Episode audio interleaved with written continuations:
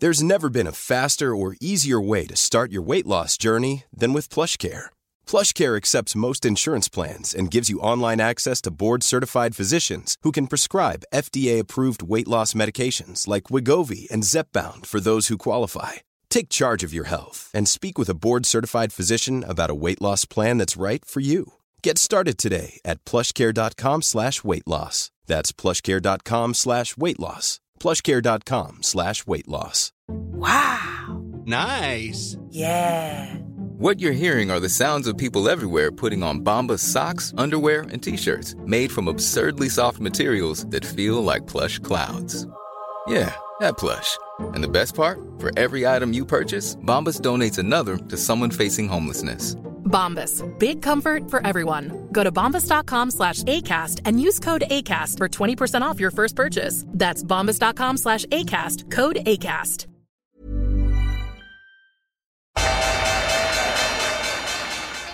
They mistook leverage for genius. Leverage for genius.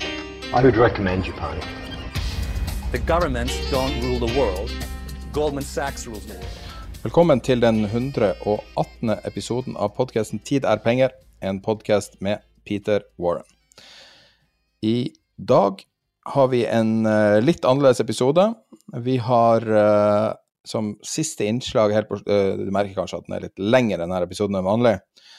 årsaken er at vi har et redigert intervju med en av de aller første investorene av Robin Hood, som ble børsnotert forrige uke. og eh, som tilfeldigvis er en ganske god venn av meg eh, fra USA. Og han eh, investerte da i 2013, og nå fikk eh, i hvert fall eh, innsyn i hvor mye det her eh, var verdt i dag. Og han gir god innsyn i hvordan det var tidlig, hvordan, han opplevde Robin Hood, og ikke minst hva han forventer framover.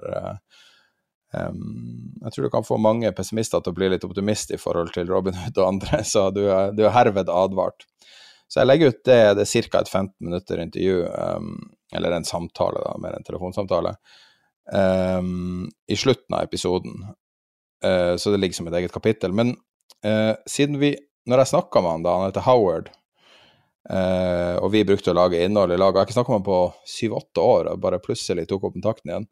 Og så var det så utrolig Jeg bare satte så, så pris på å snakke med han, så, så, vi fortsatte å bable og styre og sånn. Så plutselig hadde det gått 55 minutter, og så tenkte jeg at det er jo, alt det her er jo egentlig bra. Jeg vil ikke klippe bort noe, men jeg kan ikke legge 55 minutter på slutten av en episode. og vi, Jeg vet ikke. Så det vi gjør, er at vi har eh, en tjeneste som heter Patrion. Tiderpenger.no Patrion. Der eh, vi har masse folk som har signa seg opp allerede. Og inntil nå har vi sagt at det du får på Patrion. Altså, det er vår betalingsløsning, kall det VG pluss eller et eller annet. Eh, det du får der, er episoder uten reklame og promo. Så det her er f.eks. promo.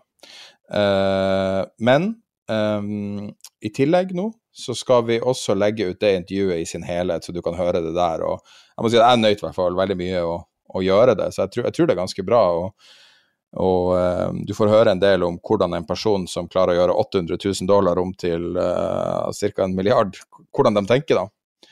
Uh, og, og, det er veldig artig. Og, og, selv om jeg kjenner han fra før av og hadde sånne her samtaler med han mange ganger før, så var det utrolig lærerikt. Jeg kjenner at selv et døgn etterpå så er jeg um, fortsatt bare sånn generelt optimistisk. Så, så det er litt artig å snakke. Han er en venturekapitalist, altså tidlig fase, tidlig fase investor.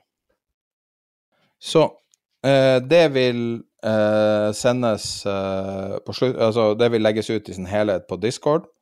Eh, nei, på, på, på Patrion, som er tiderpenger.no-patrion. Det ligger også i menyen på hjemmesida vår, så hvis du ikke, uh, hvis du ikke ser det der uh, så kan jeg også si at den tjenesten er noe vi, vi starter episoden i dag men Pete, Rett før vi starta så spurte Peter kan ikke vi ta snakke litt om, om det vi har lansert, som er Patrion, som er en betalingsløsning, en frivillig betalingsløsning for en podkast.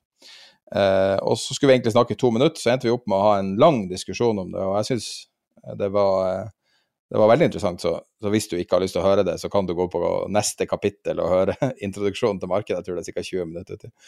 Um, men det er litt sånn hvorfor vi gjør det her, og hvordan vi, altså hvordan vi ser framtida være, men også nåtida. da. Så i dag får du lit, et lite forskudd med at vi legger ut ekstra innhold, og, og, det er definitivt mulig at vi kommer til å gjøre det ganske ofte. Um, i, uh, utover det så legger vi med et nyhetsbrev i, etter uh, hver episode er publisert. Så sender vi ut et nyhetsbrev knytta til episoden. Ofte ting litt sånn i, i universet rundt det vi har snakka om, og all researchen vi har gjort. Uh, ting vi har lest uh, av investeringsbankresearch, linker som er relevant. det er mye der som, um, som kan være en måte en fin tillegg til det du hører i podkasten. Uh, og om du leser det før, etter eller under, er vel egentlig opp til deg, men det er noe mer ment sånn hvis det er noe. Samle alt der, på en måte. Så uh, du kan tenke det som en, uh, en ukesrapport fra Tid er penger. Ellers så har vi mange andre tjenester på hjemmesida. Vi driver og jobber med å utvide ting. Men jeg tror kanskje det er på tide å komme i gang, for det her blir en ganske lang episode. Så fem minutter intro får mer enn holde. Um, da starter vi. Ja, da var vi i gang. Ehm, men eh, kanskje vi ehm, skulle ta opp det her med Patrion. Vi har jo egentlig ikke snakka om det i, uh, i podkasten, jeg og deg, hva det er vi holder på med. Ja, det er vel uh, det er vel for så vidt min feil, det. For jeg har gjort mitt for at vi skulle unngå å ha, ha, ha, denne samtalen, egentlig. Ja. Nei, for det er jo noe som Jeg er jo vi er, vi er, jo begge to ganske store nerder på forskjellige måter. Men uh, jeg liker å følge liksom Tusen takk. ja, men du er jo nerd. Du kaller deg sjøl nerd hele tida. Uh, jeg tror det er derfor denne podkasten fungerer. det er at det, det er en nerdete approach. Men uh, jeg, jeg, tror det er to eller tre år siden jeg første gangen fortalte deg om Patrion. Uh, som er et mer eller mindre amerikansk fenomen. Der folk betaler si, det de har lyst til å betale for noe. Uh, og så husker jeg at jeg, jeg, så det her, det var én norsk uh, ting som ble kasta ut av VGTV, og så fikk de inn så de klarte å dekke lønningen til Så det er det eneste jeg har sett i Norge. Men det jeg syns er så kult med Patrion, jo mer vi har gjort det For nå, nå er det jo liksom det å, å gi folk reell, et reelt alternativ til reklame. Hvis du virkelig ikke vil ha reklame, og du ikke vil sitte og skippe i podkasten, så får du noe som er clean, noe som ikke er promo i, ikke er reklame i. Men hvordan syns du altså, For du var superukomfortabel med hele ideen med, med Patrion. Fordi at mange ser på det som Eller sånn som det starta, så var det sånn Gi meg penger for å gjøre noe som jeg kanskje er god til, liksom. Altså det er jo Ja. Ja, ja altså jeg Jeg må jo si at jeg, jeg følte, følte ubehag ved det. Absolutt. Samtidig så må jeg jo si at jeg er veldig takknemlig. Altså, jeg trodde jo ikke at uh, det ville gå over hodet at Jeg trodde ikke at nordmenn var, ville betale for noe som de egentlig uh, som, som, var en alternativ var å få det gratis. Nå har vi jo et alternativ som, som gir uh, den som er på Patron noe mer, og, og, det, er, og det, er, bra. og det er jo bakgrunnen, egentlig. Men jeg trodde ikke at det norske lynnet egentlig ville, altså, ville gjøre det. Det må jeg si. Og samtidig, eh, så, så, og som du påpekte, så har du bombardert meg med denne her med jevnlig eh, mellomrom. Og så når, når, vi da hadde en mulighet til å gjøre det i forhold til uh, Du kan få en reklamefri uh, podkast ved, ved, ved Patron. Så, uh, så, sa jeg, så sa jeg OK, prøv det.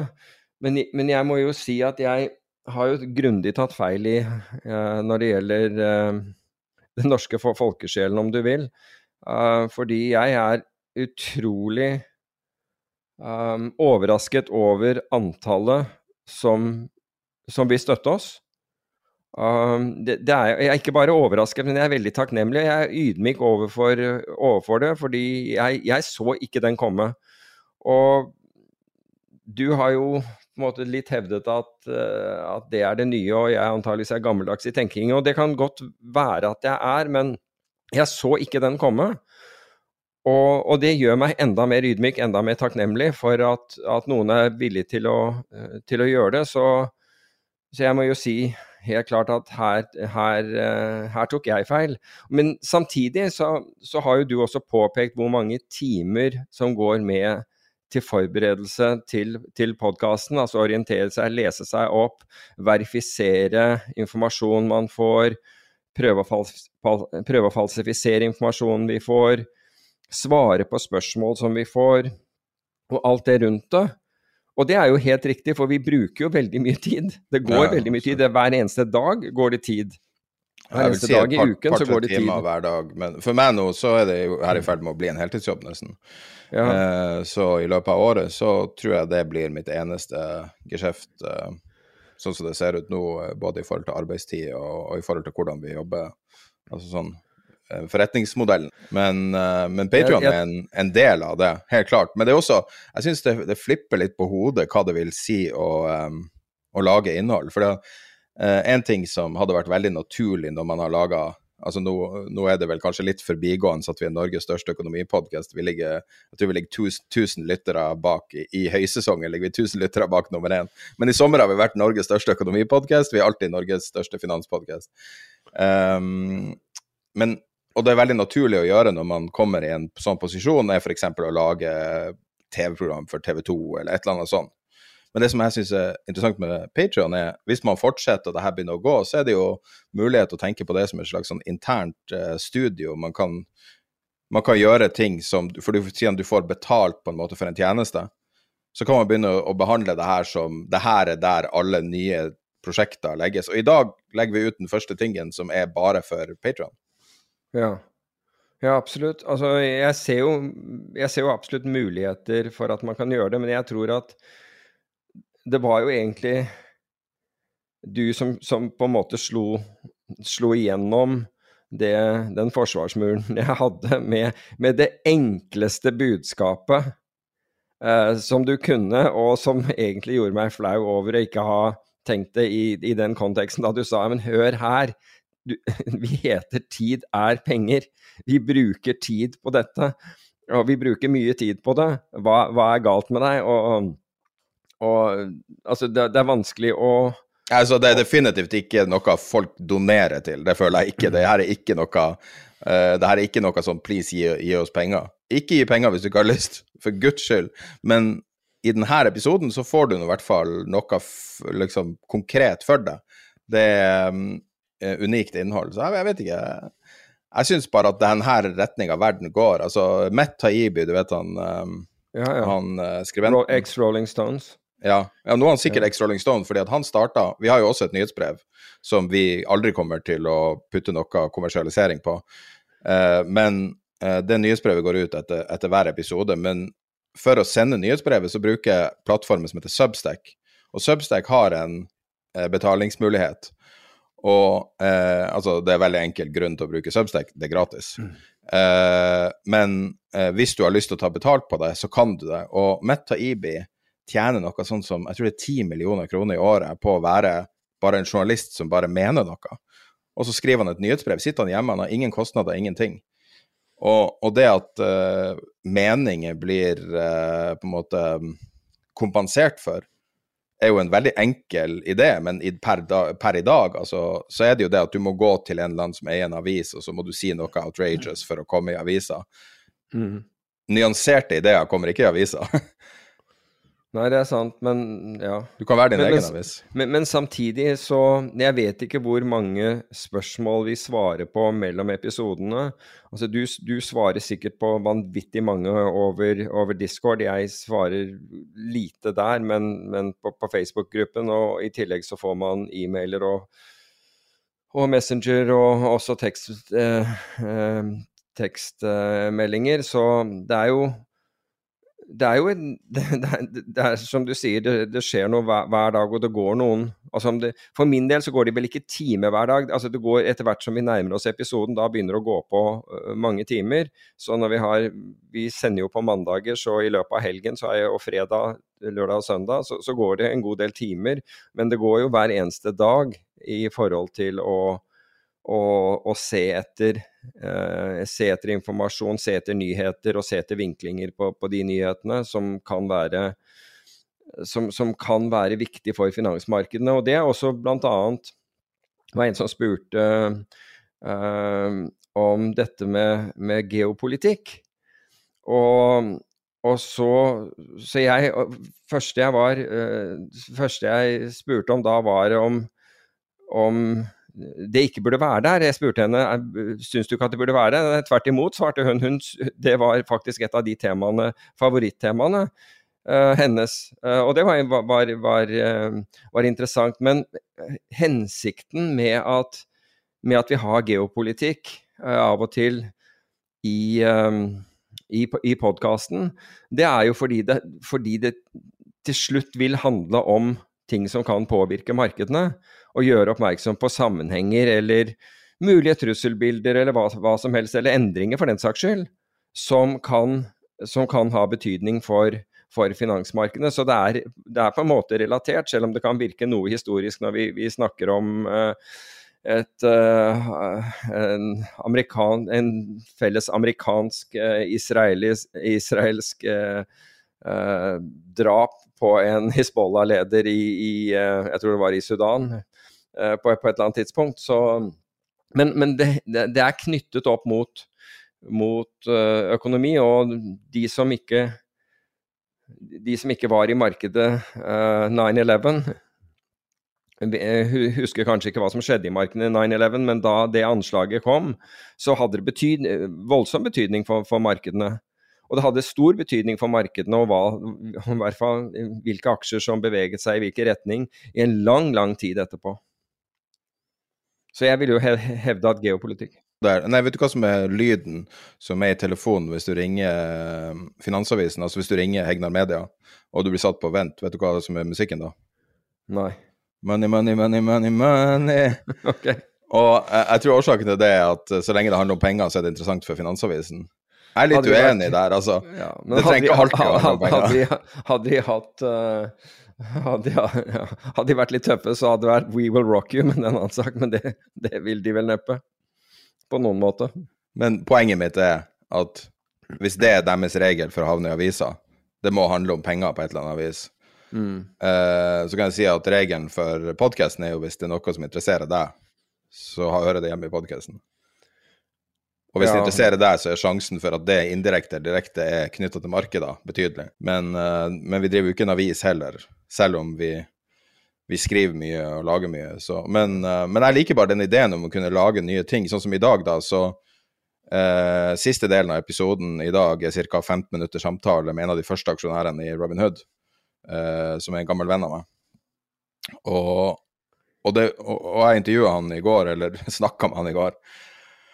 Og han elsker å snakke, og endte opp med å snakke i 55 minutter om hele hans filosofi eh, knytta til investering, synet hans på framtida, alt mulig. Superinteressant. Jeg storkoste meg som bare det. Men så tenkte jeg det her er altfor alt, alt, alt, alt, for langt for podkasten.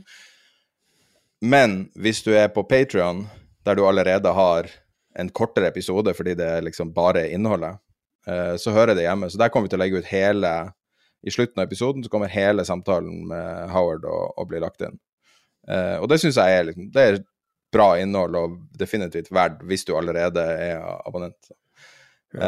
Uh, og, og, og, hvis det her funker, og hvis liksom, folk forstår litt tankegangen bak det, og det får ordentlig vann på mølla, så er det jo nesten ubegrensa hva vi kan gjøre.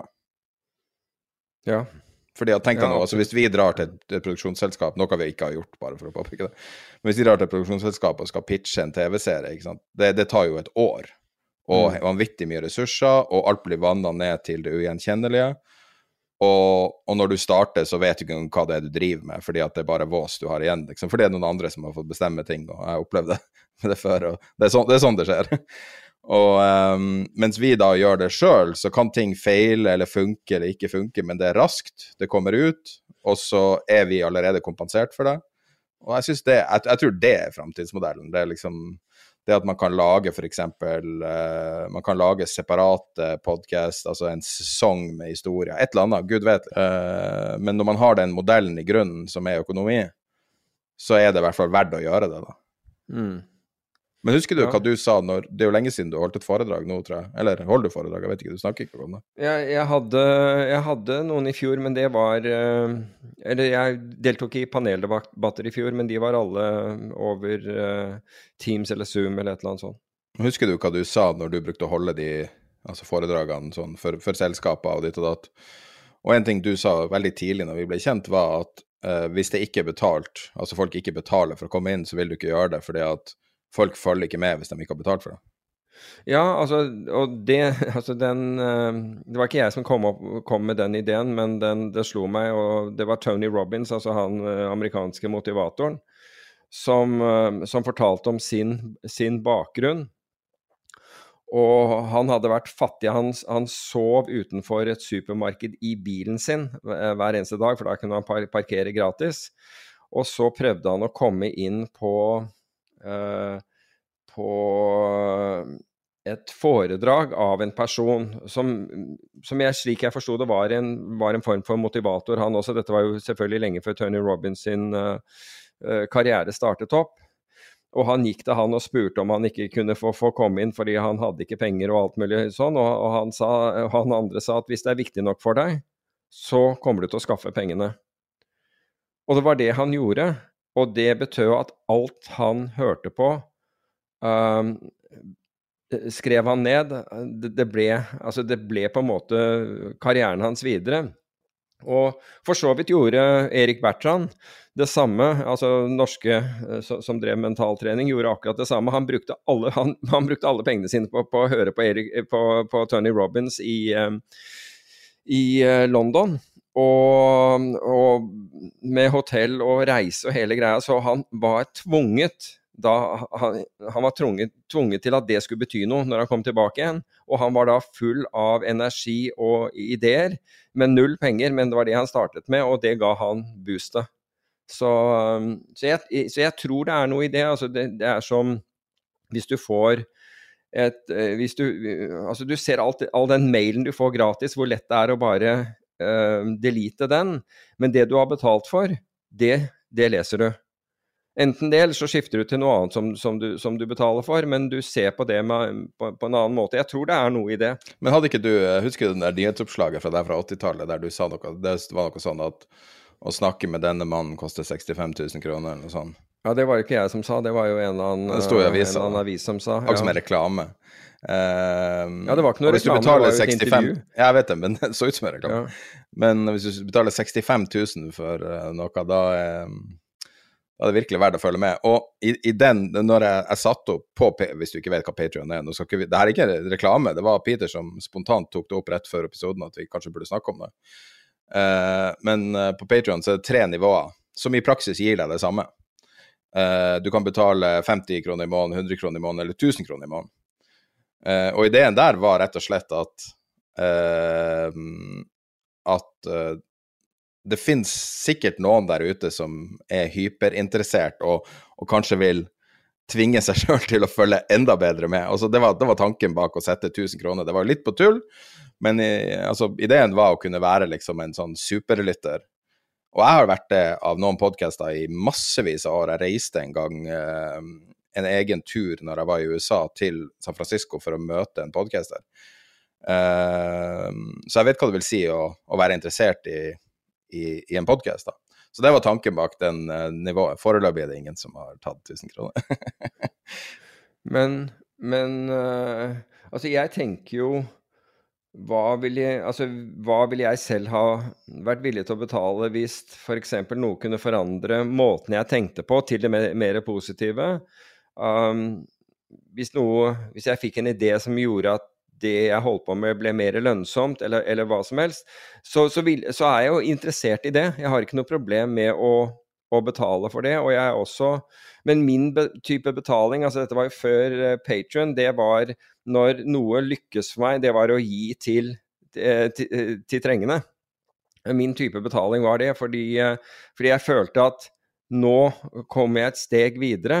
Og det skulle også være ok eh, Altså det skulle også være begunstige de som, de som trengte det, da, for å si det på den måten. Så, så jeg, jeg syns ikke det Altså ta, ta Trond Moen i Bergen som når han kjøpte han, Når han kjøpte ny bil, jeg tror det var Han har jo mange biler, han er jo veldig interessert. Når han kjøpte en Aston Martin, så ga han bort tilsvarende av, det, av hva den bilen kostet. Hmm. Um, Vet du hvorfor han donerer så mye? Han er jo veldig unorsk med at han donerer i offentlighet så mye. Nei, altså han Nei, altså jeg, jeg kjenner han jo, og, og han, har, han har bare et godt hjerte, rett og slett. Og han, han, tenker at ok, jeg har penger til å gjøre dette her, da, da donerer jeg det. Og han donerer jo bl.a. til forskning og mange andre ting. Um, ja, Det er ikke umulig at han var med å redde livet til mora mi. Um, nei. Hun var innlagt på intensiven i, i fjor, og, og, det var helt vanvittig høy um, kvalitet på den avdelinga på sykehuset i Tromsø. Og, um, og det tror jeg kom direkte fra han det, var, det er i hvert fall mm. en rekke ting på sykehuset i Tromsø som kommer direkte fra Trond Moes lommebok. Det er ganske sjukt. Men, uh, men, uansett.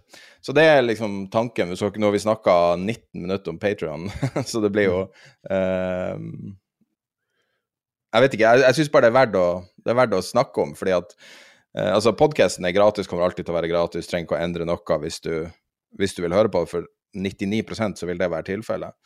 Men uh, jeg syns det er greit å forklare hvorfor man, hvorfor man gjør ting. og um, Jeg liker også den ideen om at uh, ting du betaler for, tar du mye mer på alvor. Ja, så jeg hadde også et behov for å, å forklare hvorfor, hvorfor vi, vi, gjorde det. Jeg følte at det var uh, noe som lytterne, ja, om, om, du vil, hadde krav på å, å høre, da.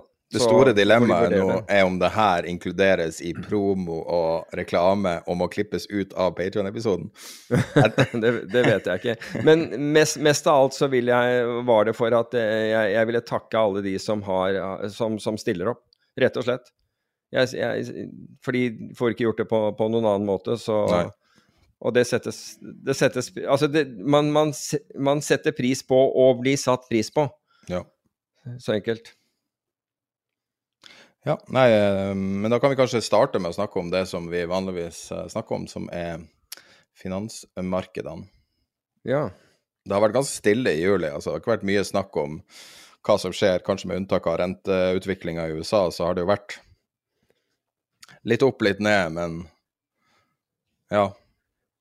Vi er tilbake ja, til utgangspunktet. Altså, for, for det meste så har det jo vært uh, Var det jo stille i måneden. Altså det var uh, en uh, moderat oppgang i USA på litt over 1% og litt mindre i, i Norge, så, det, så, månen virket stille. Men, men, på de tingene jeg så på, da, var, og, som var på en sånn watchliste, det var jo bl.a. Arcane Krypto som, som steg Jeg tror det var 87 uh, i måneden. Og, og nå er opp 93% på året. og og nyheten bak det var at eh, et, en, en, ETF som investerer i, i blokkjein-relaterte selskaper, har inkludert dem i sin indeks.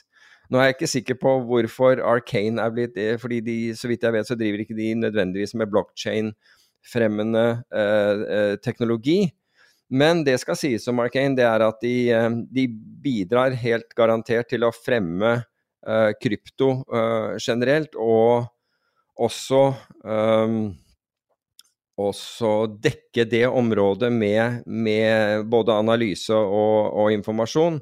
Og hvis jeg kan i den, uh, i den sammenheng gå, ta, et, ta et sitat, fordi jeg, fordi jeg, så et sitat av Torbjørn Bull Jensen, som, uh, som, er, som, er, sjef i, i Arcane, som sier det er ikke alltid lett å henge med i svingene når man sitter på kontorstol og ser verden gjennom briller som er blitt svake og bruker kreftene på å kritisere det man ikke forstår.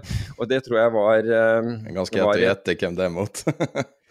ja, det var til en, til en norsk økonom som, uh, som, som, sammenlignet krypto med med, med mummikopper. Um, men um, Kan jeg få lov å ta seiersrunden på at mummikopper har tatt Jeg tror han leste det i bloggen vår. Eh, ok, ja, det, det, det, det kan godt hende ja, at, det blir gjort. Men, men uansett, da, så har, har da har nå, nå Arcane en tilsvarende stigning som Galaxy i år, til tross for at Galaxy da er full av Altså sitter på store mengder med, med, med bitcoin, som da har steget over 40% i år. Så Men nok om det. Altså, Arcane gjør med, gjennom sin uh, gjennom sitt markedsbrev og, og, analyser, så gjør jo de helt opplagt en den kryptoverden en stor, en stor tjeneste med å, med å, forklare sammenhenger og, og, og det er ikke en sånn ren, det er ikke en ren hype av markedet, fordi de de er ganske nøkterne i sine analyser, akkurat som Galaxys uh, nyhetsbrev er. Så de er ganske nøkterne i sin analyse av, hva som foregår, så de har ikke noe problem med å, å,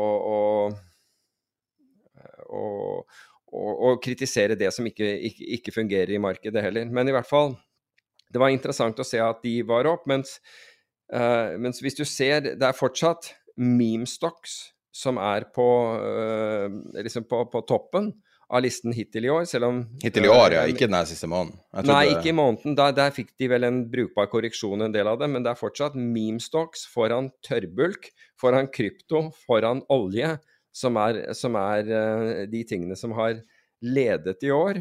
Når du sier tørrbulk, kan, kan du bare ta det? Det var jo eh, det mest diskuterte segmentet i Norge på eh, rett i opp, oppturen til finanskrisa, med Golden Ocean og alt sammen. Men Eh, så sånn i ryggmargen min så sier det når tørrbulk Altså når Kina går så det suser, så går tørrbulkprisene opp, og så uh, går uh, Baltic Dry-indeksen opp, og alt er velstand. Men ja. så vidt jeg kan se, så er det ikke full stopp i Kina, men bra bråbrems. Hvordan kan det ha seg at tørrbulk stiger så mye? Fordi behovet fra Vesten, altså nå som økonomien er kommet i gang, altså et, etter covid, så er behovet så stort for, uh, for varer um, at uh, det presser shippingraten opp. Og det, det hjalp jo ikke det at Suezkanalen var stengt i var det, en ukes tid heller. Og det ser man fortsatt effekt av? Ja, det ser man fortsatt effekt av. For vi ser jo de ratene, ratene er, er fortsatt skyhøye. Så og, og dette, altså, man har jo da norske selskaper, som du nevnte, som man kan investere i. Um, men der tar man alltid mye Eller når du investerer i et selskap, og spesielt i, i, um, i rederier, så er det ofte mye gjeld og mange andre ting som, som da spiller en stor, stor rolle. Men det finnes en ETF for uh, tørrbulk. Uh, rederier, tørrbulkaksjer om man, man vil, Um, som, som, Breakaway, som er de som, uh, de som, står bak den. Jeg tror også Invesco er med, med, på dette, her, men i hvert fall den er opp 235% i år. Apropos det, så hører skipsfløyte i bakgrunnen. Det var, ikke, det var, nesten, det var nesten et ku.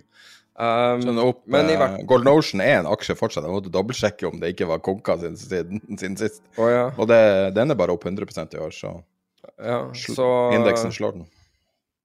Indeksen slår den, men jeg tror eh, alle Det, det finnes et annet norsk selskap som alle er, eh, som alle er, er eh, fokusert på. Men i hvert fall og, og, man kan gjerne kjøpe en, en, en enkeltaksje, det er jo ve veldig greit. Eller man kan kjøpe en, en, kurv av dem og denne ETF-en. Bare så det, vi har ingen ingen økonomisk forbindelse til dette, bare, bare så det er sagt. Heller ikke egentlig dessverre investert i det, men så det er egentlig bare, bare informasjon.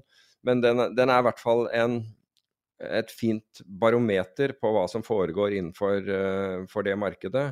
Og mens uh, vi har sett urovekkende ting, kan vi vel si, fra, fra Kina, så, så, har denne fortsatt uh, holdt seg veldig sterk.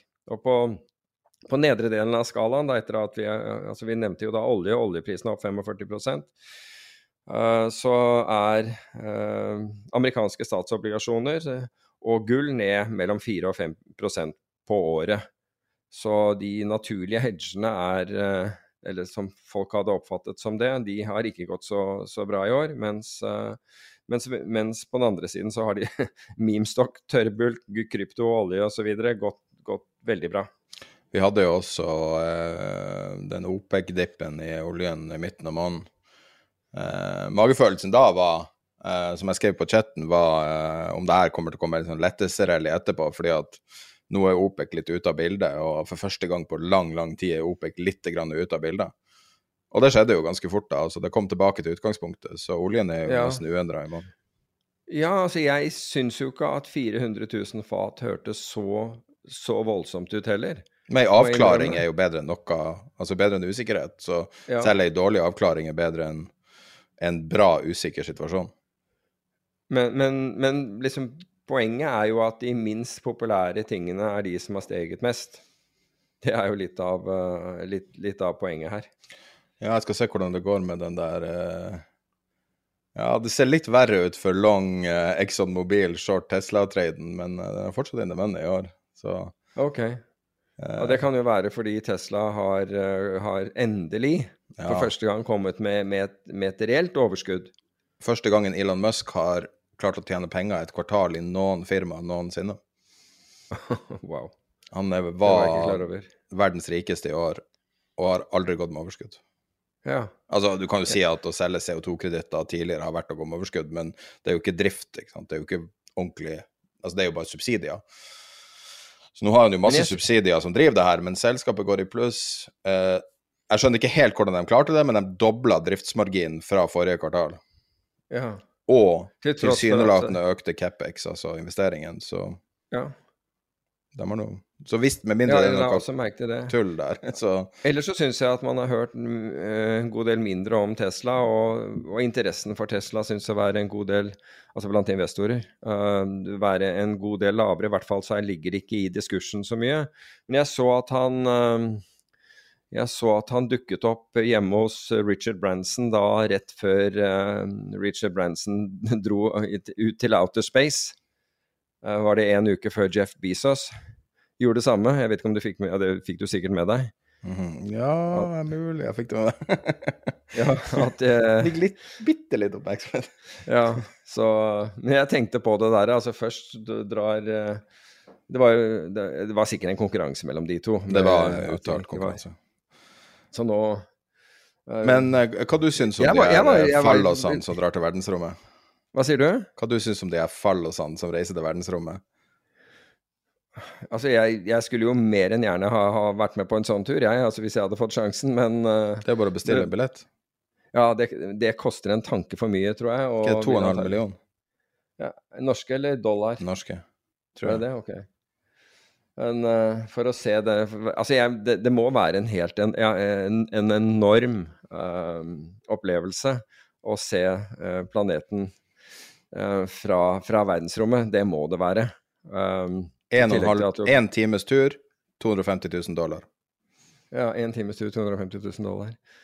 Ja, det, det, det kiler nok en del i maven. Ja, jeg er litt forbauset over at ikke Petter Stordalen hev seg på det der og kom dem i forkjøpet, men ryktet sier at han driver og bygger en svær villa med fire svømmebasseng på, på Mars, så han er vel først uansett. Men uh, Jo, men, eh, Men- hemmeligheten til uh, han og en rekke andre ble vel avdekka litt uh, når man fikk se at altså det, det er stort sett banken som bestemmer der, er det ikke det? det, så ja, gjeld, det, så. det virket sånn en, en, en stund, men, nå, men nå går jo nå går jo økonomien bedre, og det gjør sikkert Og etter alt jeg kan lese, så, så fortsetter jo han å kjøpe opp uh, både hoteller og bedrifter osv. Så, videre, så Men hva du synes er- hvis, hvis man hever hotellprisene på sommeren etter å ha fått Nå, nå snakker jeg om alle hoteller. Etter man har fått ufattelig mange hundre millioner i subsidier. Burde man da betale tilbake delvis av det, eller? Altså, jeg, jeg syns jo, altså uavhengig om man eh, hever eh, hotellprisene eller ikke, så synes jeg at hvis samfunnets penger har vært med på å redde en bedrift, og den bedriften da går veldig bra, så syns jeg jo at den skal betale pengene tilbake igjen til, til ikke, Behøver ikke å være på én gang, men at de, burde det gå tilbake igjen til samfunnet med renter. Det syns jeg. Det er det jeg mener uh, om det, fordi uh, Husker du den der altså- redningspakken, den første redningspakken i finanskrisa? Den var jo sånn. Husker ikke hva den het, den der bankpakken. Den ble jo betalt tilbake med rente. Ja, så, der eh, kri, og, og det er det jeg, men, altså jeg mener jo det, fordi det er jo skattebetalerne i, i altså, uh, at the end of the day som, som støtter opp om dette, altså ved å, at man blir tilført penger fra, fra staten. Og det er jo risikokapital, fordi hvis det ikke gikk, hvis, hvis utfallet ble, ble, ble, dårlig, så ville man jo Altså da da taper, da, da taper skattebetalerne disse pengene, eller da taper samfunnet, nasjonen eller staten disse pengene.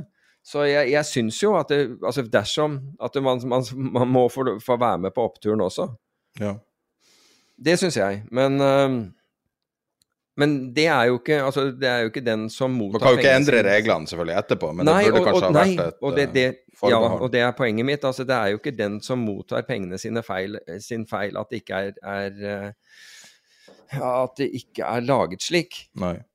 Og strukturert på den måten. Det er jo den som har Som, som tilfører disse midlene, det som gir midlene til dette, som som må ivareta statens interesser og, og, borgernes interesse, er jo egentlig. Og ikke Altså, hvis jeg kunne fått noen hundre millioner kroner øh, og ikke måtte betale de tilbake, og jeg kunne profitere på det, så ville jeg jo selvfølgelig gjerne ha tatt imot det. Det skulle bare mangle. Så, så, så ingen forkleinelse for de som, øh, de som tok det imot.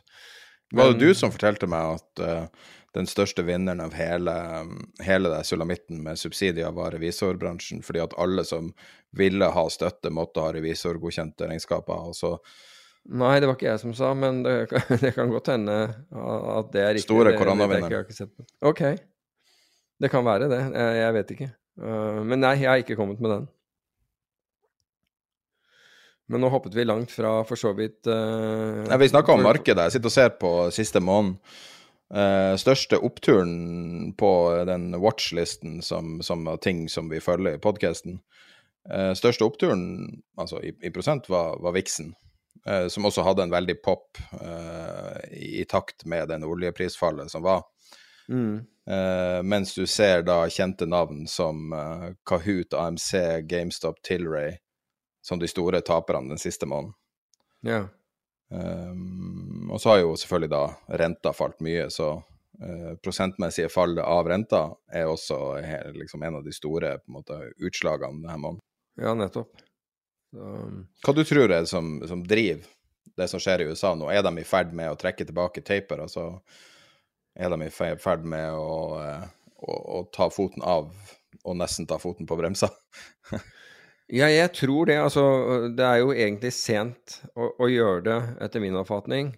Um, de, de, kommer i gang sent uansett. Så du jeg... tror ikke taper kommer? Jo, jeg, jeg gjør det. Okay. Jeg tror at det kommer. Og det jeg prøvde å si, var at det har vært forhåndsannonsert med taper, og så har det blitt sendt ut en rekke signaler som er vanskelig å tolke. Og så hadde du en rekke svake tall i forrige uke, bl.a. Eh, en ganske stor miss på BNP i USA.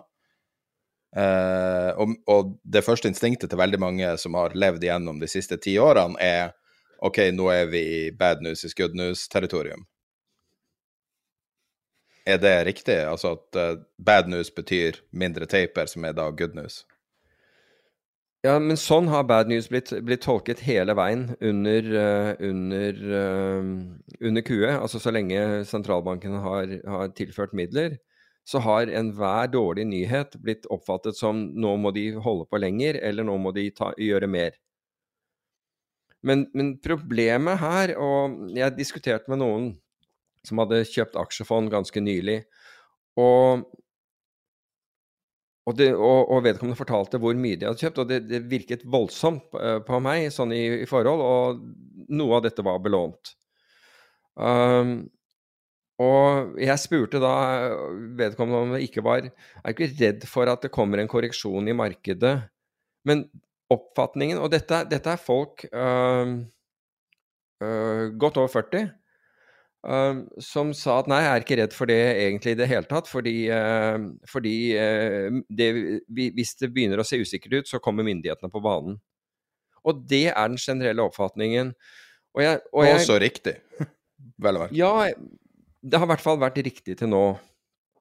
Men, og, og, kanskje er det riktig, men det slår meg at vi, vi har nå utviklet en Altså tidligere så Altså, du hadde den bitcoin-korreksjonen, ikke sant. Bitcoin faller 50% og folk blir, blir, helt sånn satt ut, og det er voldsomt. Men, men sånn var også aksjemarkeder tidligere. De kunne også falle om ikke på så kort tid, ikke, men ikke, så, så, brukte de kanskje litt mer tid på, på å falle 50% men du hadde, du hadde skikkelige korreksjoner.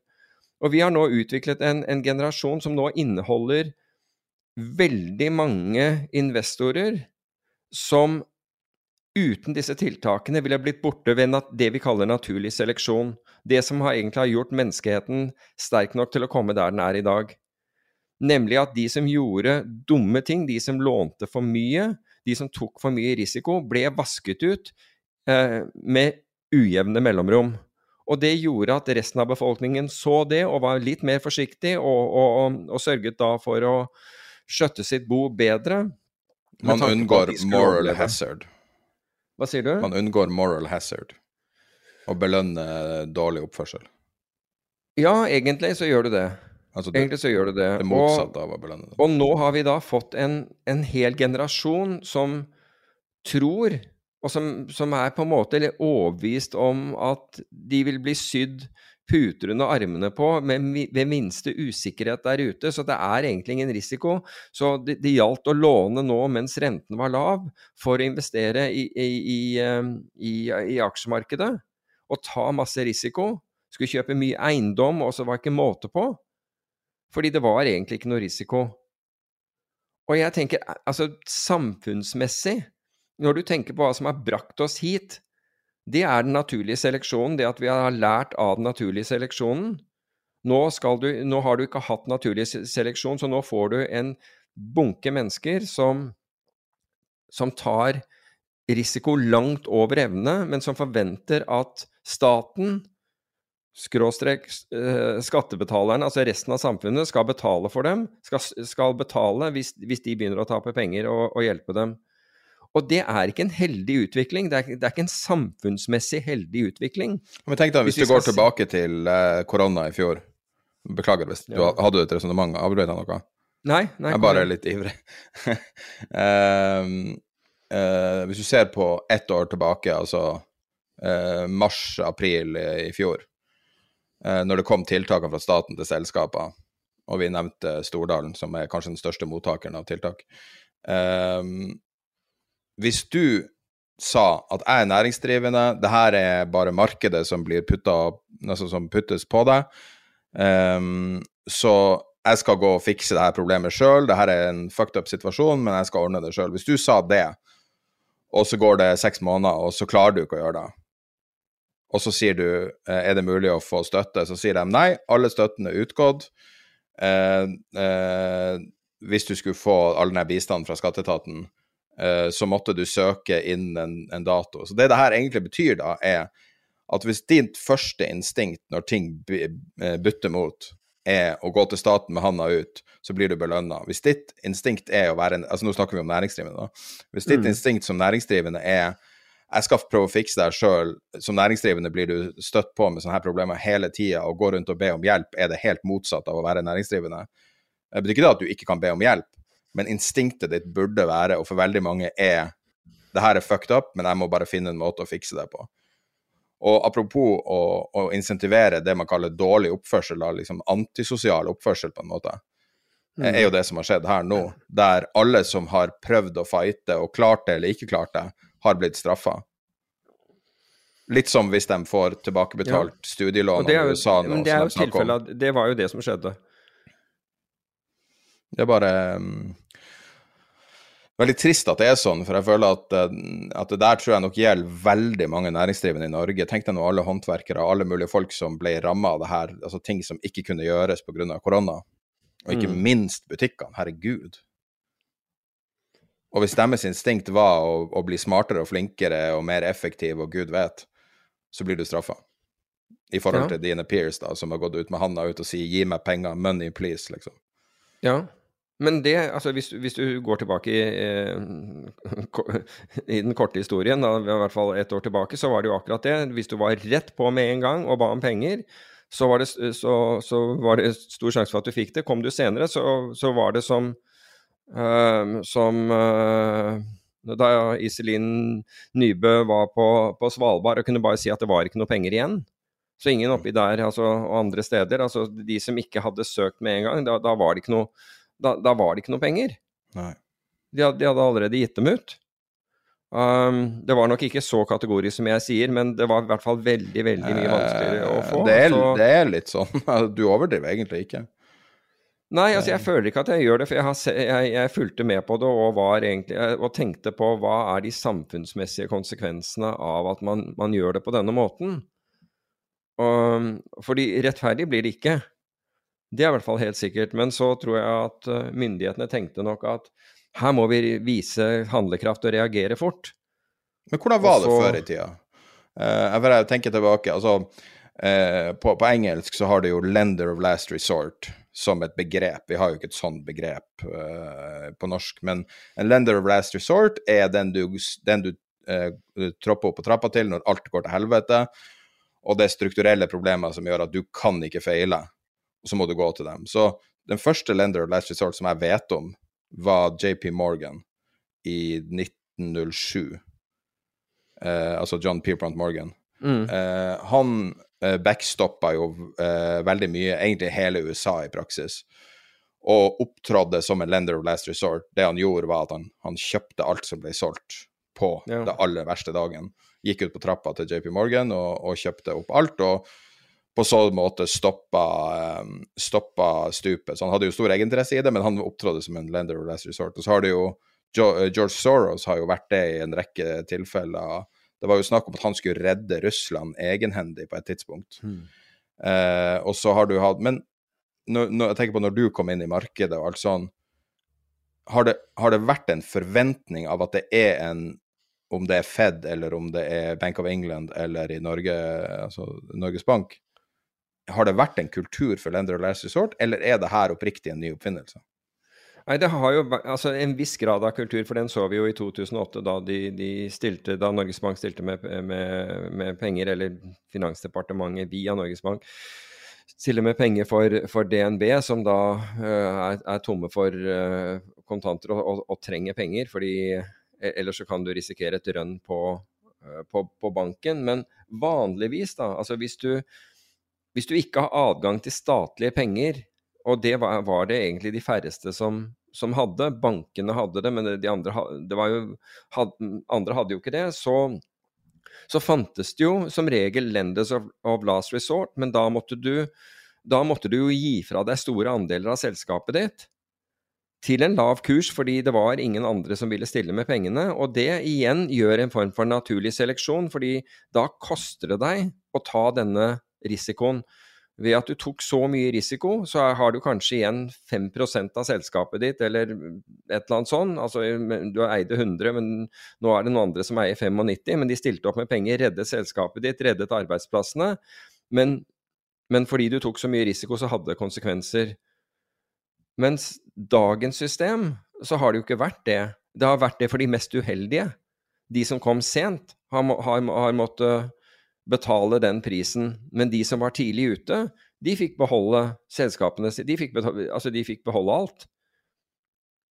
Og det det er, det jeg mener med naturlig seleksjon. Altså du, Uten den naturlige seleksjonen så får du ikke så, så får du ikke en god Så vil, ikke, vil det ikke være risikostyring, risiko, altså risikokunnskap som fag blir uinteressant, da. For hvorfor skal jeg drive med det når, eh, når jeg kan bare skynde meg og, og, be om en bailout? Og det egentlig ikke har konsekvenser. Og dette går jo også tilbake igjen til hvordan Federal Reserve opptrådde i, i, i 2008. Riktignok fikk man pengene tilbake med, med, med, avkastning, men de som hadde, uh, de som hadde forårsaket finanskrisen, betalte jo ikke en pris for det. Tvert imot, de fikk jo til og med ta bonuser av det som uh, av midlene de fikk fra staten. Til slutt, så, så, det ble jo egentlig ingen læring der. Men så begynte man jo da, i ettertid av det å innføre uh, ting som Dodd-Frank, hvor, hvor, bankene ikke hadde anledning til å ta like mye risiko som, uh, som de gjorde, med, med, mindre de økte egenkapitalen. Men det var jo ikke aksjonærene interessert i, for det var jo mer, mer risiko. Så da sluttet man f.eks. Med, med egenhandel. Så så vi har, et, vi har, bygget et, system som etter min oppfatning er mye mindre robust, samfunnsmessig robust, enn det vi hadde. Og i dag så Altså, hvis du driver med Hvis jobben din er, er, å, å, å, vurdere risikoen i et, i et, selskap, så er den veldig annerledes enn det den var for, for ti år siden, da, eller fem år siden for den saks skyld. Fordi, for, fordi det er Altså, du forventer en eller annen form for backstop og, og, og altså lender of last resort, og at, at det, dette egentlig ikke skal koste deg. da. Men det koster noen. Det koster de som har minst kontakter. Uh, mens, mens, på den annen side så kunne du jo tenke deg at nå har det gått så bra. Vi har kommet opp av, eh, den, av, av covid-krisen. Uh, Inntjening er på vei opp, og vi har priset alt mye høyere. Du kunne jo tenke deg at det nå, la oss nå se og sette i gang og, og lære folk om risiko og, og, og, sette nye regler, men det er jo ikke noe tegn til det. Ikke i det hele tatt. Vi hyller, eh, tvert imot så hylles det da det mer risiko du tar, det, det mer hylles du. På et eller annet tidspunkt så må man betale for dette. Fordi altså, vi er kommet hit vi har kommet i dag. altså Evolusjonen har brakt oss hit i dag ved naturlig seleksjon, som høres utrolig brutalt ut, men, men som er det den er. Vi, vi, har lært av uh, altså, dødsulykker på veien, arbeidsulykker Alle disse tingene til dels har vært naturlig seleksjon som har lært oss at her må vi beskytte oss bedre. Vi må sette andre regler, vi må redusere hastighet, vi må bruke bilbelter alt, Alle disse tingene, airbags osv. fordi vi har sett konsekvensene. Mens her kjører vi i finansmarkedene så kjører vi uten sikkerhetsseler, uten airbags eh, omtrent uten karosseri, og, og, det går fortere. På et eller annet tidspunkt, Det er klart at på et eller annet tidspunkt, og når det tidspunktet inntreffer, så kommer vi alle til å se at det var jo klin opplagt. Herregud, se hvordan vi har drevet dette her. Så kommer vi til å si det, men av en eller annen grunn så er det ingen som har lyst til å ta det steget at hør nå her, nå må vi begynne å innføre Nå må vi begynne å se på dette her. Men da syns jeg det her er et ypperlig tidspunkt å bytte over til Robin Hood. ja. eh, og eh, det er Det var, eh, som jeg sa i introen, så har vi en samtale med den eh, andre aksjonæren i Robin Hood, eh, som er en, en, god venn av meg. Uh, som var med i seed-runden. Altså, du har jo først eh, Ja, det er vel kanskje den første. Jeg tror han er oppført som den andre, men eh, du bruker altså Friends and Family, og så har du seed-runder. Eh, han investerte ved to anledninger når eh, Robin Hood var prisa til 10 millioner dollar og 64 millioner dollar. Så du kan jo sjøl regne ut hvor mye han tjente. Han sier detaljene i eh, episoden. Men, men eh, de børsnoterte denne uka. Eh, vi har snakka mye om Robin Hood i denne podkasten. Eh, Robin Hood har vært en viktig del av framveksten av retail, traderne og den nye amerikanske drømmen som og og, som er jo nesten å sitte og trade krypto på Robin Hood, omtrent. Og eh, eh, muligheten for unge mennesker å tjene og tape penger veldig fort, er det på en måte som Robin Hood har pitcha inn. Og nå børsnoterte de seg. Priser til rundt 30 milliarder dollar. Eh, alt fokus eh, var på de første tradene som gikk dårlig. Aksjen trada ned. Har stabilisert seg nå. Men jeg vil jo si at eh, jeg skrev jo også en blogg om det, at det var en usedvanlig vellykka børsnotering. Dagens Næringsliv skrev at det var en mislykka børsnotering, men jeg tror ikke de skjønner hvordan en børsnotering fungerer. Men um, Robin Hood klarte å prise seg sjøl på et skyhøyt nivå, er nå tilgjengelig i markedet og er klar til neste fase. Og jeg fikk litt innsyn i neste fase når jeg snakka med Howard. Mm. Og jeg begynte å skjønne hva Robin Hood var for noe. Det er en merkevare. Og sånn som han sier det, så kommer de til å gå, gå rundt på en oppkjøpsraid rundt på hele jorda. Og hvis man tenker på den måten, så begynner plutselig hvis, hvis, de klarer å eksekvere det, så begynner det plutselig å se ut som en, som en interessant investering. Ja, kan være. Um, altså, Nå skal du være litt, negativ. ja, altså vi, vi, skal, vi, har jo litt sånn for, for forskjellige innfallsvinkler uh, til, til det hele. Fordi altså jeg mener jo at i prinsipp så er en vellykket uh, børsintroduksjon det er en hvor Altså, du kan si du for å, være, for å, bli aksjonær i et selskap, for å kunne kjøpe, aksjon, eh, for å kjøpe aksjer i forbindelse med, med en, en, IPO Ingen vil gjøre det med mindre de tror at de, de skal tjene penger på det. Um, det må være noe igjen. Altså Hvis aksjen er fullt priset den, når den har IPO-en, så vil det jo ikke lønne seg for noen å gjøre det. Med mindre du er en langsiktig investor. Ja, men du kan, du kan Hvis du er langsiktig investor, så vil du at de skal ha masse penger, så de kan eksekvere, sånn at aksjen blir å stige masse. Hvis du jo, er en kortsiktig flipper Jeg, jeg, jeg er jo ikke uenig, men hvis, hvis, du tror at den aksjen er i det korte bildet, altså her og nå, full priset, så burde du sette deg på, på, på, på sidelinjen og vente til, til, en korreksjon. Og jeg vet ikke hvor mye den falt, den er vel ned røftlig 8% fra fra første trade, men den har vært lavere.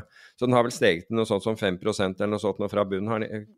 tar jeg helt feil? Tett på 36 eh, dollar. Den uh, ble introdusert på 38, så Ja, OK. Jeg, tror, det, okay, jeg tror, den høyeste traden var 38,8 et eller annet. Eh, men, men, men, poenget mitt er at um, hvis du føler at den på, på kort sikt er, er fullpriset, så vil du vente så vil du naturlig nok vente, og da vil jo ikke, vil jo ikke den IPO-en kunne gå på den prisen, for du vil ikke få, få kjøpere på den prisen. Men det forutsetter jo at du vet resultatet, det gjør du jo aldri. Det, det, det forutsetter at du vet, vet resultatet, men, men, du, eh, men, du, trenger ikke å vite resultatet hvis du føler at den er, er fullpriset på kort sikt. For da, da, har en, da, har du dine kriterier for hva som vil være full, eh, altså full pris. Og og så sier du at ok, her er IPO-kursen er lik det jeg anser at den er verdt på, på kort sikt. Da vil, av, da, vil du, da vil, du, vente. Betyr ikke at du er negativ til hva som skjer i, med Robin Hood, men, men, du vil vente. Fordi uh, du, Og du kan ha lang, langsiktig uh, stor tro på, på, aksjen. Og man hadde jo problemer uh, Altså, de som forsøkte å plassere det, hadde jo problemer å få de store money managerne til å, å, å synes at det var at det var en oppside, i hvert fall, i hvert fall på kort, kort, sikt. Og en av årsakene kan være det som du påpekte, nemlig faren for at øh, det amerikanske finanstilsynet endrer reglene for, for, øh, det at man kan selge ordreflyt. For hvis de gjør det, så, så, så blir 81 Altså hvis de tar den bort fullstendig, så blir 81 av inntektene til, til Robin Hood borte. Og det, altså det, det, det tallet burde skremme alle. Men og, jo, og inversen av det er at investeringsbankene altså Nå var det jo JP Morgan Goldman Sachs som var lead på, ja. på IPO-en. Uh, eh, og um, investeringsbanker, andre tradinghus, har så konsekvent undervurdert Robin Hood siden starten. Mm. Uh, og det, det, var noe av det jeg snakka med Howard også om, at, at det bare det var, De hadde ikke en konkurrent på fem år som var i samme type segment. De valgte en veldig bevisst uh, måte å jobbe på. Så det var bare ingen som Og, og han mener, og jeg mener også, at, at, uh, at de fortsatt er undervurdert. Og det at de sier ja, jeg vet ikke om vi vil investere i det, er jo bare fort, en fortsettelse av undervurderinga. Så i utgangspunktet så var jeg like skeptisk som alle andre til Robin Hood i, um, uh, i liksom rundt børsnoteringa. Nei, det her er jo priser helt hårreisende, så alt kan forsvinne med et pennestrøk fra myndighetene. Men når man tenker litt på det, hva de har greid å gjøre De har greid å gjennomføre det liksom, finansielle drømmen som er å få retail-tradere tilbake. Og hva annet er de ja, i stand altså, til å altså gjøre? Er de nye Facebook? Er det, er det her mm. en hundredel av verdien deres? Mm. Altså, jeg kan gå gjennom og etterpå uh, Gary Gensler, altså sjefen for uh, det amerikanske finanstilsynets uh, hva heter testimony, vitnemål til Kongressen etter, etter, GameStop og den biten der. Um, fordi veldig mye av det, av det, han sier der, er jo direkte, går jo direkte på, uh, på, på Robin Hood. Men la meg ta noen andre ting med, altså, som jeg syns gjør det selskapet mindre attraktivt. Og det er ikke at det ikke er attraktivt som et teknologiselskap eller et, eller et meglerhus som kan gjøre de tingene som, som du mener, men at, at gründerne, altså Tenev og Bat, de sitter på 16% nå på 16% av aksjer, altså etter denne IPO-en, så sitter de til sammen med 16% av aksjer, aksjene. Deres aksjer, hver av deres aksjer, har imidlertid ti stemmer, mens de aksjene som du kjøper, har én stemme. Det betyr at de 16% teller 5, de er 65% av stemmene. Vet du hvordan andre selskap som fungerer på samme måte? Nei, jeg, jeg vet ikke hvordan Men altså, her det, Ja. Det er en av grunnene til at Facebook har Altså, eh, Zuckerberg har fullstendig makt i Facebook, akkurat samme konstruksjon. Ok. Du kan jo si at Men- det er dumt, poenget- du kan også si at det gir han masse makt til å eksekute. Ja, det, det gjør det. Det gir definitivt makt, men du kan si at dersom ledelsen begår feil, så er det nesten umulig, altså, og, og viser seg jo ikke klare neste, neste fase. Den første fasen har de jo klart, for de har jo kommet her de er i dag med 30 milliarder i, eh, nesten i um, dollar i verdsettelse. Men allikevel så altså du, Men hvis de ikke klarer neste, så klarer du ikke å bli kvitt den ledelsen. Du klarer ikke å bytte den ut, rett og slett for den, for, den har for stor, for stor makt. Så sånne ting bekymrer meg, eh, meg lite grann. Og når jeg da Men kan, altså, kan jeg stille et spørsmål du refererte til det? Fordi at du Ja. har jo vært involvert i masse selskaper der du har masse aksjonærer, og du har eh, store møter med aksjonærene, og, og det, du, du, får, du får se da, og alle drar i hver sine retninger. Ja. Hvordan syns du det oppleves, når, eh, både som, eh, som CEO eller, eller en tilsvarende rolle? Er det, gjør det ting bedre, eller bare bremser det ned? Nei, altså du kan si at det, når, når det blir brukt altså blir brukt mot deg, så opplever du jo selvfølgelig som tungt, i hvert fall hvis noen går og, og henter inn stemmer og, og, og begynner å kjøre et løp øh, mot deg, så opplever du jo det som tungt. Altså det betyr jo Men det betyr ikke at ikke deres øh, At det de gjør, ikke er rettmessig sett ut ifra deres øh, posisjon. Det er, det, kan være, det, det, er ikke min, det er ikke min holdning. Det er ikke mitt, mitt synspunkt, for jeg har, jeg har, et annet, men det kan være utrolig Og det kan ut, utrolig uheldig for, for, utviklingen. Det kan også være uheldig for selskapet. Å ha det. på en måte spredde aksjonærer? Hva sier du? Mente du å ha spredde aksjonærmeninger? Nei, ikke nødvendigvis, ja, ikke nødvendigvis spredde, men, men at uh, du kan si at hvis du har veldig spredde aksjonærer, uh, ta f.eks. i, uh, i det norske obligasjonsmarkedet nå, skal, nå, kommer jeg til å trampe på noe tær igjen. Uh, men det norske obligasjonsmarkedet det er veldig fragmentert. Du vet ikke hvem som eier, og det er, det er vanskelig å, å, å, få tak i. Og det gjør at hvis du får tak i Hvis et meglerhus går og får tak i noen, eller noen andre får tak i en liten gruppe, så kan de styre på en måte eh, hva som skjer i en, en forhandling, uh, i en gjeldsforhandling. Og og da, Det kan være til, til det beste for uh, obligasjonsholderen, men det kan også være det klin motsatte. Og i tilfellet Norwegian så var det det klin motsatte. Det er helt utrolig hva man har gitt fra seg i verdier til, til gjeldshavere. Um, og der har du Nordic Trustee, som akkurat ble kjøpt opp for 1,3 milliarder, tror jeg, eller et eller annet sånt. De må virkelig ha sovet i, sovet i timen, fordi du hadde uh, Altså, jeg skal ikke gå gjennom hele, men, men det er en sånn i, i, det var to uh, lån i Norwegian som var sikret med slåtter på Gatwick flyplass. Og egentlig, så lenge de var sikret med det, så var det ikke noen grunn til at man skulle godta å bli sablet ned i, i verdier, fordi du hadde disse, de, de kunne eventuelt bli, bli, solgt. Men strukturen var at du hadde ikke rett til å selge dem, og at selskapet da kan Isteden så, så kan selskapet leie disse ut og få inntektene til selskapet istedenfor at de går til obligasjonshaverne. Så selskapet er tjent med å trekke dette ut så lenge som mulig, helt til obligasjonene forfaller, og så ta inntektene selv. Det er jo helt galskap. Um, men det, det, var en kjempedigresjon, men det bare viser, hvis du har en kontroll på en liten gruppe, så, så det er ikke i alle sammenhenger at det er, er positivt, men men i, i, dette tilfellet så har du da to stykker som, som holder 65% det, jeg, jeg, forstår at du får mindre institusjonell interesse for det, for det, selskapet når det er slik.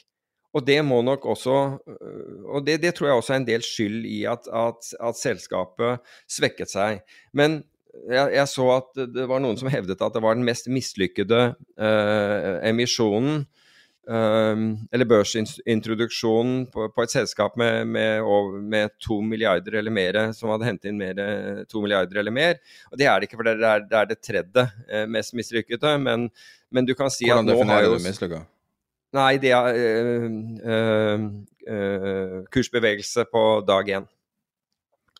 Det er veldig artig. Altså. Men altså, det er veldig artig det der, om man bruker ordet mislykka. For hele poenget med en med en uh, eh, IPO, er jo å hente penger til selskapet for å uh, både ja. gi folk en exit-mulighet, men også samtidig kunne uh, kapitalisere seg opp for, for, at nå kommer veksten.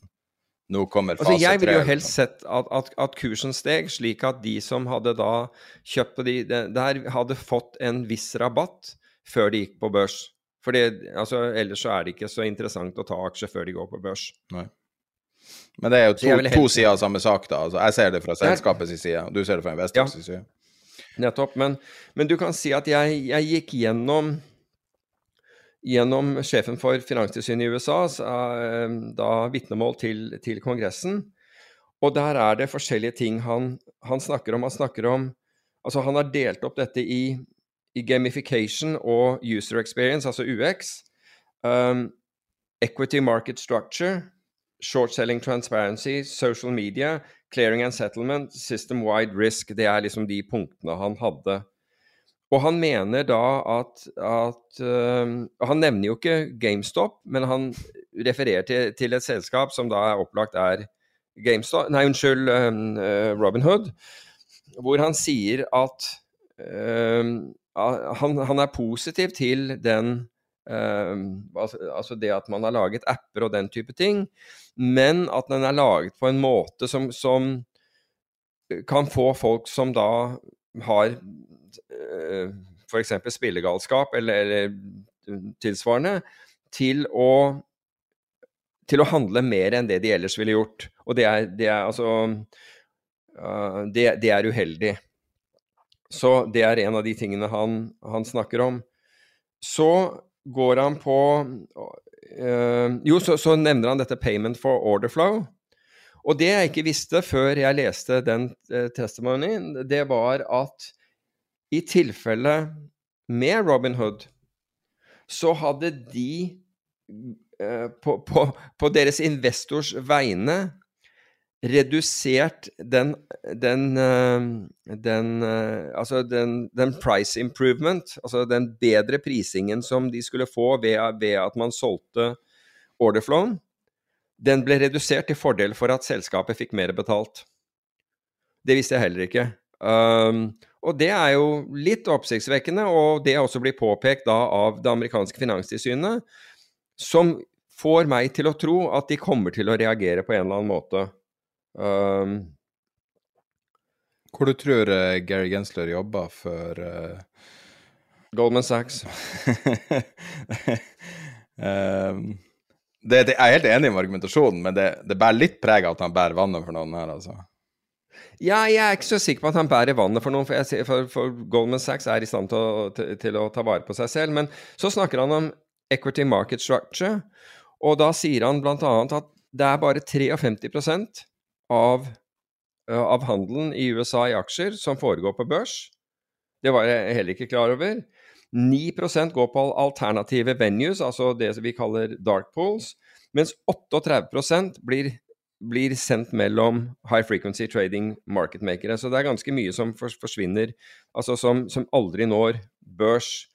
Og hvis, den, hvis det er Altså hvis du prisen du betaler er bedre. Altså, jeg tror jo, bare så det er sagt, jeg tror jo at hvis jeg skulle handlet en amerikansk aksje, og sender ordren min gjennom Robin Hood, som da ikke koster meg noe kurtasje, og de sender den til en high frequency market maker, så tror jeg at nesten uansett kurs som jeg får av den market makeren, så har jeg spart penger i forhold til om jeg går gjennom Altså hvis du skulle gått gjennom en norsk megler og en amerikansk megler for å kunne handle på børsen i USA, så har du betalt så mye kurtasje at og, og, selv om du gikk gjennom en vanlig amerikansk megler, så tror jeg Jeg tror faktisk at du får det billigere uh, ved å handle uh, gjennom Robinhood. Så mm. hvis du skulle bare kjøpe en aksjeportefølje, du skulle kjøpe deg opp i f.eks. som du nevnte i sted, Facebook og noen andre, hva, hva det måtte enn være, så tror jeg mest sannsynlig og, og, det er jo egentlig bunnlinjen her, er at du får det billigere ved å bruke Robinhood enn ved, ved, å bruke en annen type uh, megler.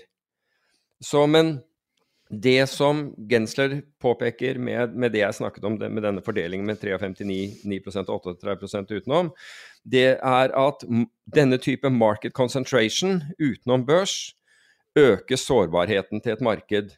Og det er de opptatt av.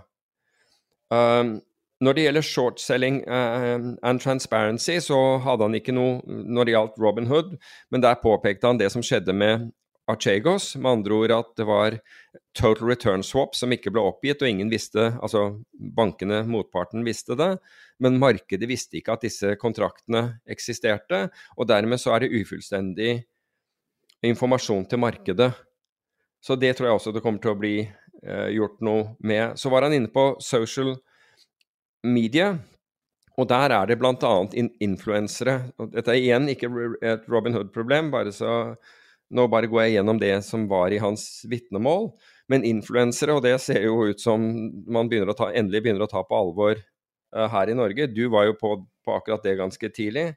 Um, Helt utrolig å se ordet Wall Street Bets i en, altså i en testimony til, fra SEC. Ja. altså. Det... og så har du clearing and settlement, altså de skal gjøre en review av det, for det funka ikke heller. De, kritis de, de, kritiserte jo da under system wide risk. Igjen, Robin Hood blir ikke, eh, blir ikke, eh, nevnt ved navn, men det er helt opplagt at et selskap som må suspendere fordi de ikke kan betale De har ikke kapitaldekning i forhold til marginkravet de får.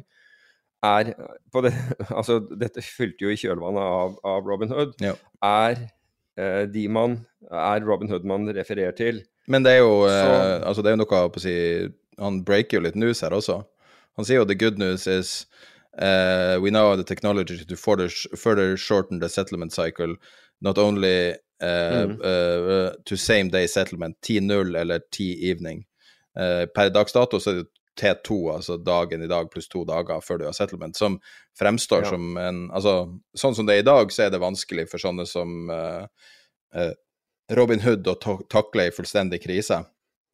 Mm. Sånn som det var med GameStop, da. Men T0 altså T0 ville være sikrere for markedet, men gitt Robin Hood enda større problem, bare så det er sagt. For her hadde man i hvert fall en anledning til å Altså, man brukte natta på, på å skaffe seg nok kapital. Altså problemet Uh, hadde det vært T0, så hadde dette problemet antageligvis dukket opp to dager tidligere. Og, og, da kan du si at kanskje problemet var mindre. Men da kan du kanskje så... justere det lettere. Men uh, det som overrasker meg, er at tre... når det high frequency trading er så stor del av det her, at de fortsatt ikke har lagt et uh, minstetidspunkt som en ordre må ligge i markedet. Jeg forstår ikke at de ikke har innført det ennå. At du må la en ordre rigge i 0,1 sekund, f.eks. Ja, det er veldig lenge for, for, for den gjengen her, men uh, Nøyaktig derfor men, jeg valgte det.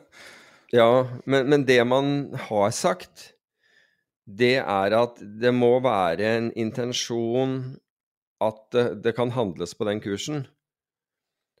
Og at Og det gjelder like mye deg og meg som en high frequency trader. Så hvis vi legger inn et, et, et stort antall aksjer um, La oss si to kroner over, over, dagens selgekurs eller et eller annet sånt. Altså i litt sånn uh, Med en avstand som er, som er ganske sikker for oss på at du ikke blir handlet på umiddelbart. Og du, og du trekker den ut igjen, altså du, du, bare legger den inn der for å prøve å skyve det ned. Så selv om du lot den ligge der i ti sekunder, men ikke hadde til hensikt at andre, at andre skulle kunne handle på den, så har du brutt regelverket. Men den, den er veldig vanskelig å, å øh, håndheve, fordi når den er inne i markedet, så er den jo mulig å handle på. Så håndhevelsen her er veldig vanskelig. Å si at du ikke egentlig hadde intensjon, når motparten vil da si ja, men hvem som helst kunne handlet på den, jeg hadde den der i ett sekund eller tre sekunder eller hva som helst. Hvem som helst kunne jo ha handlet der. Men det er noe annet hvis, hvis den ordren går så fort inn og ut at det er umulig å handle på den. fordi selv om du ser den, så er den egentlig Altså, du ser et forsinket lyssignal. Skjønner du hva jeg mener? Altså at hvis den kursen på tre den, er, den, den, har bare vært der et øyeblikk. Så når du ser den og prøver å, å hitte den, så den, så er den bakenforliggende ordre allerede trukket. Det er bare forsinkelsen i lysets hastighet altså pluss den, altså lysets hastighet over distanse, um, som, um, uh, som, som, som, gjør at Altså, du ser den, men den kan ikke handles på. Der vil de gripe inn. Men igjen så kan du argumentere at en med tilsvarende raskt utstyr, uh, som da har uh, sin datamaskin på samme sted som den som, altså på børsens datamaskin, sannsynligvis ville klare å handle på den. For han handler nede på mikrosekundnivå, nesten ned på lysets hastighet. Så, så, så det er, den er veldig vanskelig å håndheve. Men han konkluderer, i hvert fall Gary Gensler konkluderer med tre ting, og det er at uh, selskapene altså de, de, de, må ha nok kapital til å møte marginkrav. Um, han ønsker å Og dette har med, med både Archegos og oh, Hva heter uh, Gabe Plotkins sitt uh, fond som, som, ble banka opp Melvin uh, Capital, altså hedgefond leverage, bør, bør, overvåkes og sannsynligvis senkes, i hvert fall for de, de med mest belåning. Og han er opptatt av markedskonsentrasjon, at den, det er et problem. Så um, det er de, treng, det er de tre tingene han på en måte konkluderer med. Men det ville overraske meg veldig om han ikke gjør noe som helst, i, i og med at han bl.a. tar opp at Storbritannia og Canada har, har uh, lagt ned forbud mot å selge, selge orderflow. Uh, at de ikke gjør noe som helst med det, fordi jeg, jeg tror det er en grunn til at han, at han nevner det. Så, jeg husker for uh, fem, seks, syv år siden så gikk det rykter om at det var et stort norsk meglerhus som solgte ordreflyten. Vet du om de gjør det? Som gjorde hva? Som solgte flyt.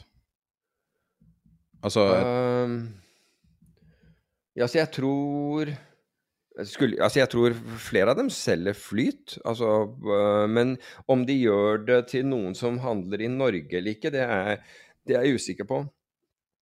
Det er jeg usikker på. Men uh, hvis du er et mindre norsk meglerhus, og du har high frequency market makere som, som uh, har de samme reglene som i USA, nemlig at de må, at de må Hvis de, hvis de uh, blir vist ordreflyten din, så må de enten handle til bedre pris enn det børsen har, eller umiddelbart handle på den beste prisen på børsen, så, så er det ikke veldig mye nedside i å selge den flyten for, for et meglerhus.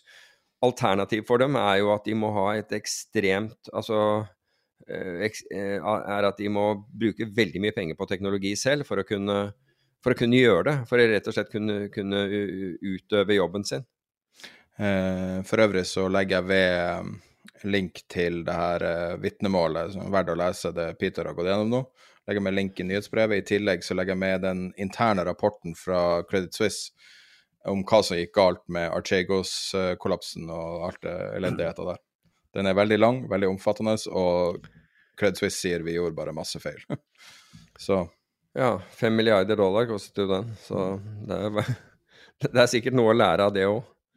Når, når, vi snakker om, uh, om, om det der med med, med å, overleve. Hvem som overlever. Så uh, jeg syns uh, å gå og ha en bull bear-diskusjon om noe sånt som Robin Hood var litt interessant. Ja, altså jeg, jeg syns Altså jeg ser begge, begge Jeg syns Robin Hood har gjort, har gjort mye bra. Så, så jeg, jeg syns Altså, the jury is out. Det er bare det som gjør meg engstelig, er det du, det du påpekte, det du krystalliserte i, i et markedsbrev. Uh, som jeg ikke var klar over, og det var at 81 av, av Og dette var Det må jo være en måned siden du gjorde, eller kanskje mer? Jeg skrev en blogg om det. Ja, nettopp en, en blogg om det. Uh, var at 81% av inntektene deres kom fra å selge ordreflyt. Uh, og det opp imot Eh, det, altså det som Gary Gensler hadde, hadde da sagt, og, og, når jeg i ettertid leste vitnemålet hans i, um, i detalj, gjorde meg bekymret for utviklingen. Ja. Og Det var derfor jeg var også negativ til den, den altså negativ til kursutviklingen, ikke, ikke nødvendigvis til, til selskapet. Jeg kan jo si at personlig, så um, etter IPO var ferdig, satt jeg og tenkte på det, og, og begynte å helle plutselig positivt. Eh, fordi at det er så lett å ha et sånn negativt instinkt med det nye. Og så prøvde jeg å se liksom, hva er det positive med det. Så, og så snakka med den, en av de tidligste investorene, og så fikk påfyll der. Så der er det min positivitet kommer fra. Uh, ja, og, ja, jeg, har regelrett endra mening om Robin Hood. Jeg trodde det skulle ja, klapse. Og jeg gleder meg til å høre hva, hva han har å, har å, si om det, så jeg skal høre på det. Det, det, det lover jeg. Ja, du får jo også høre det i slutten av episoden, i likhet med alle andre. Så siste, siste delen uh, er samtale med Howard. Uh, ja, nettopp. Men uansett hva som blir å skje med Robin Hood, så har de i hvert fall forandra verden på et eller annet vis. Det går det nesten ikke an å argumentere mot.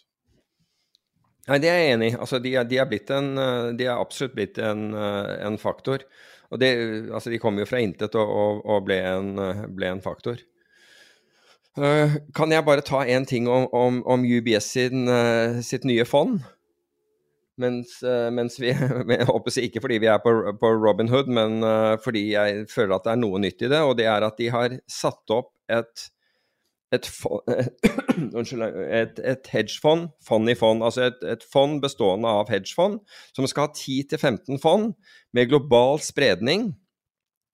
Det, og det er jo for så vidt ikke noe unikt i, fordi det er mange av disse som tilbyr det. Um, fond i fond, og UBS har gjort det i, ja, i hvert fall siden 90-tallet.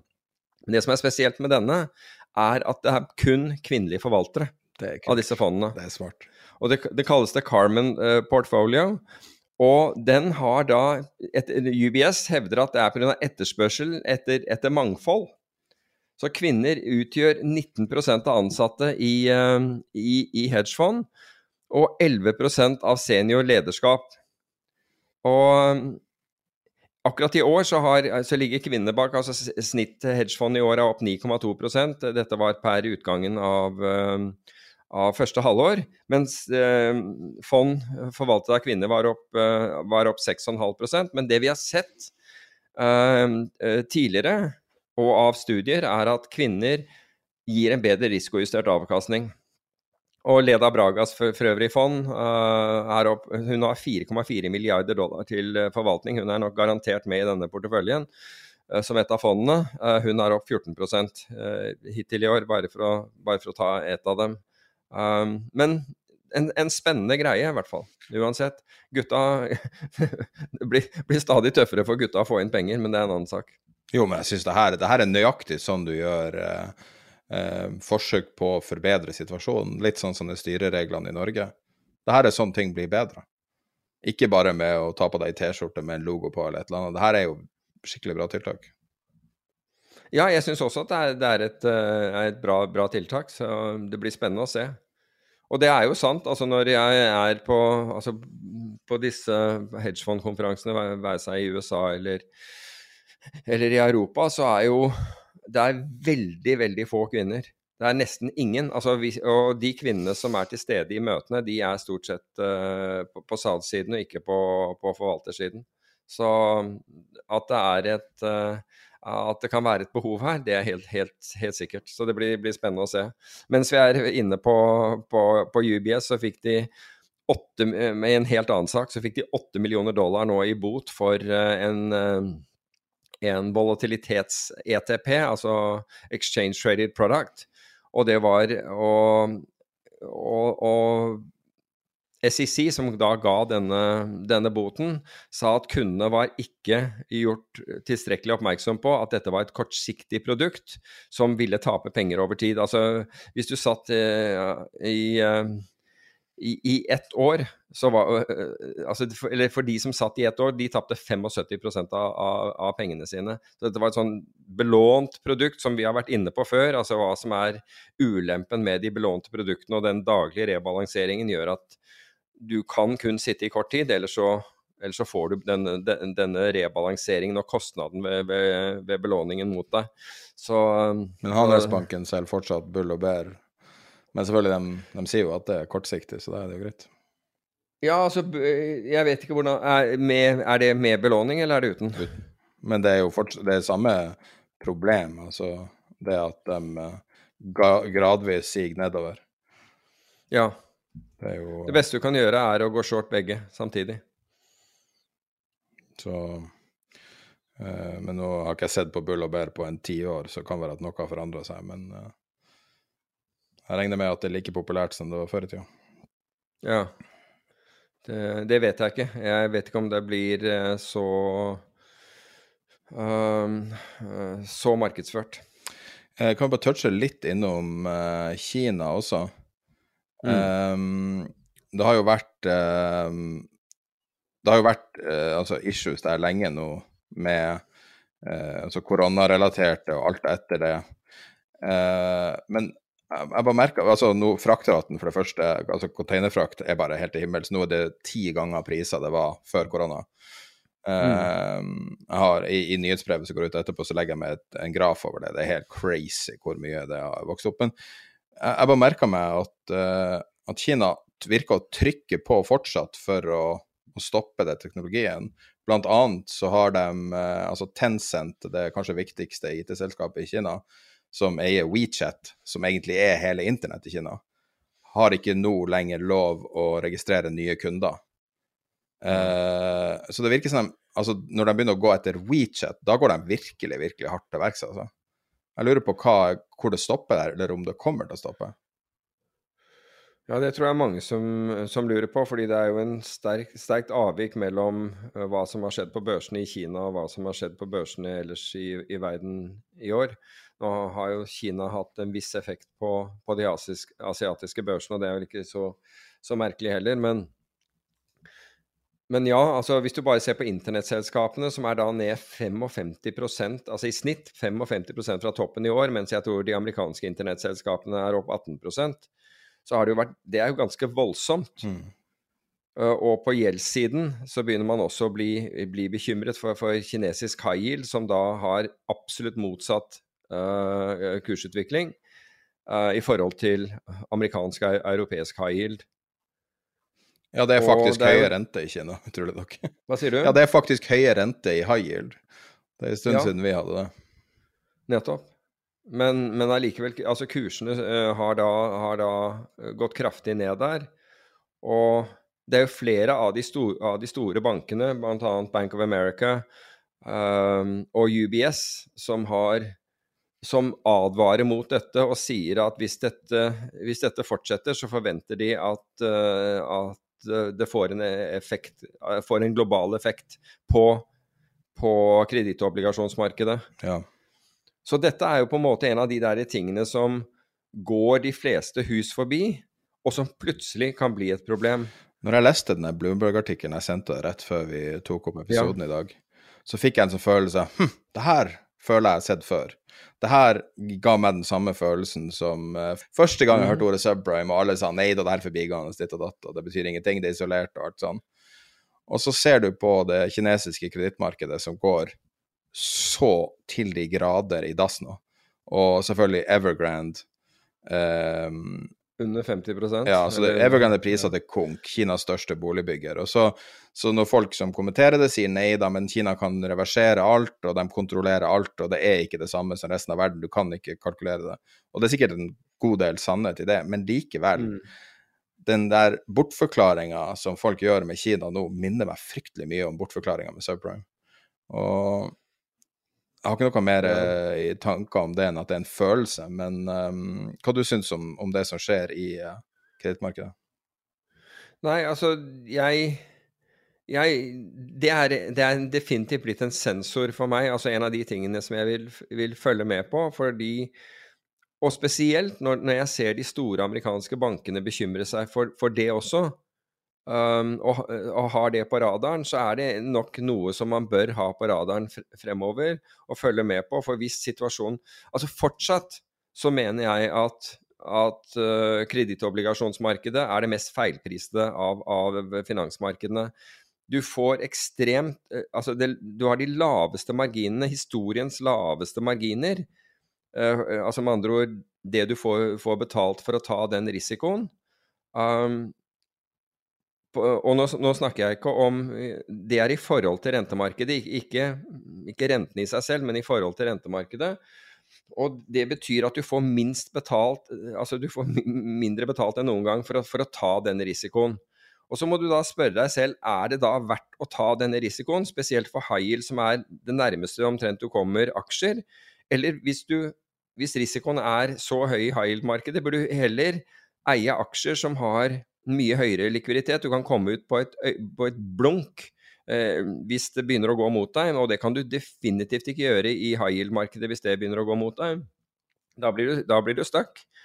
Så jeg ville i hvert fall vurdert det, vurdert veldig sterkt om jeg skulle gå til om jeg, om jeg skulle putte pengene mine i, uh, i high yield-markedet. I tillegg til det så har Financial Times en, en, artikkel i dag hvor de viser til at veldig mange av high yield-fondene har de facto mer risiko enn det den ratingen, eller der de, der de, egentlig skal være, eller der de kommuniserer, der hvor bl.a. Morningstar og de andre plasserer dem.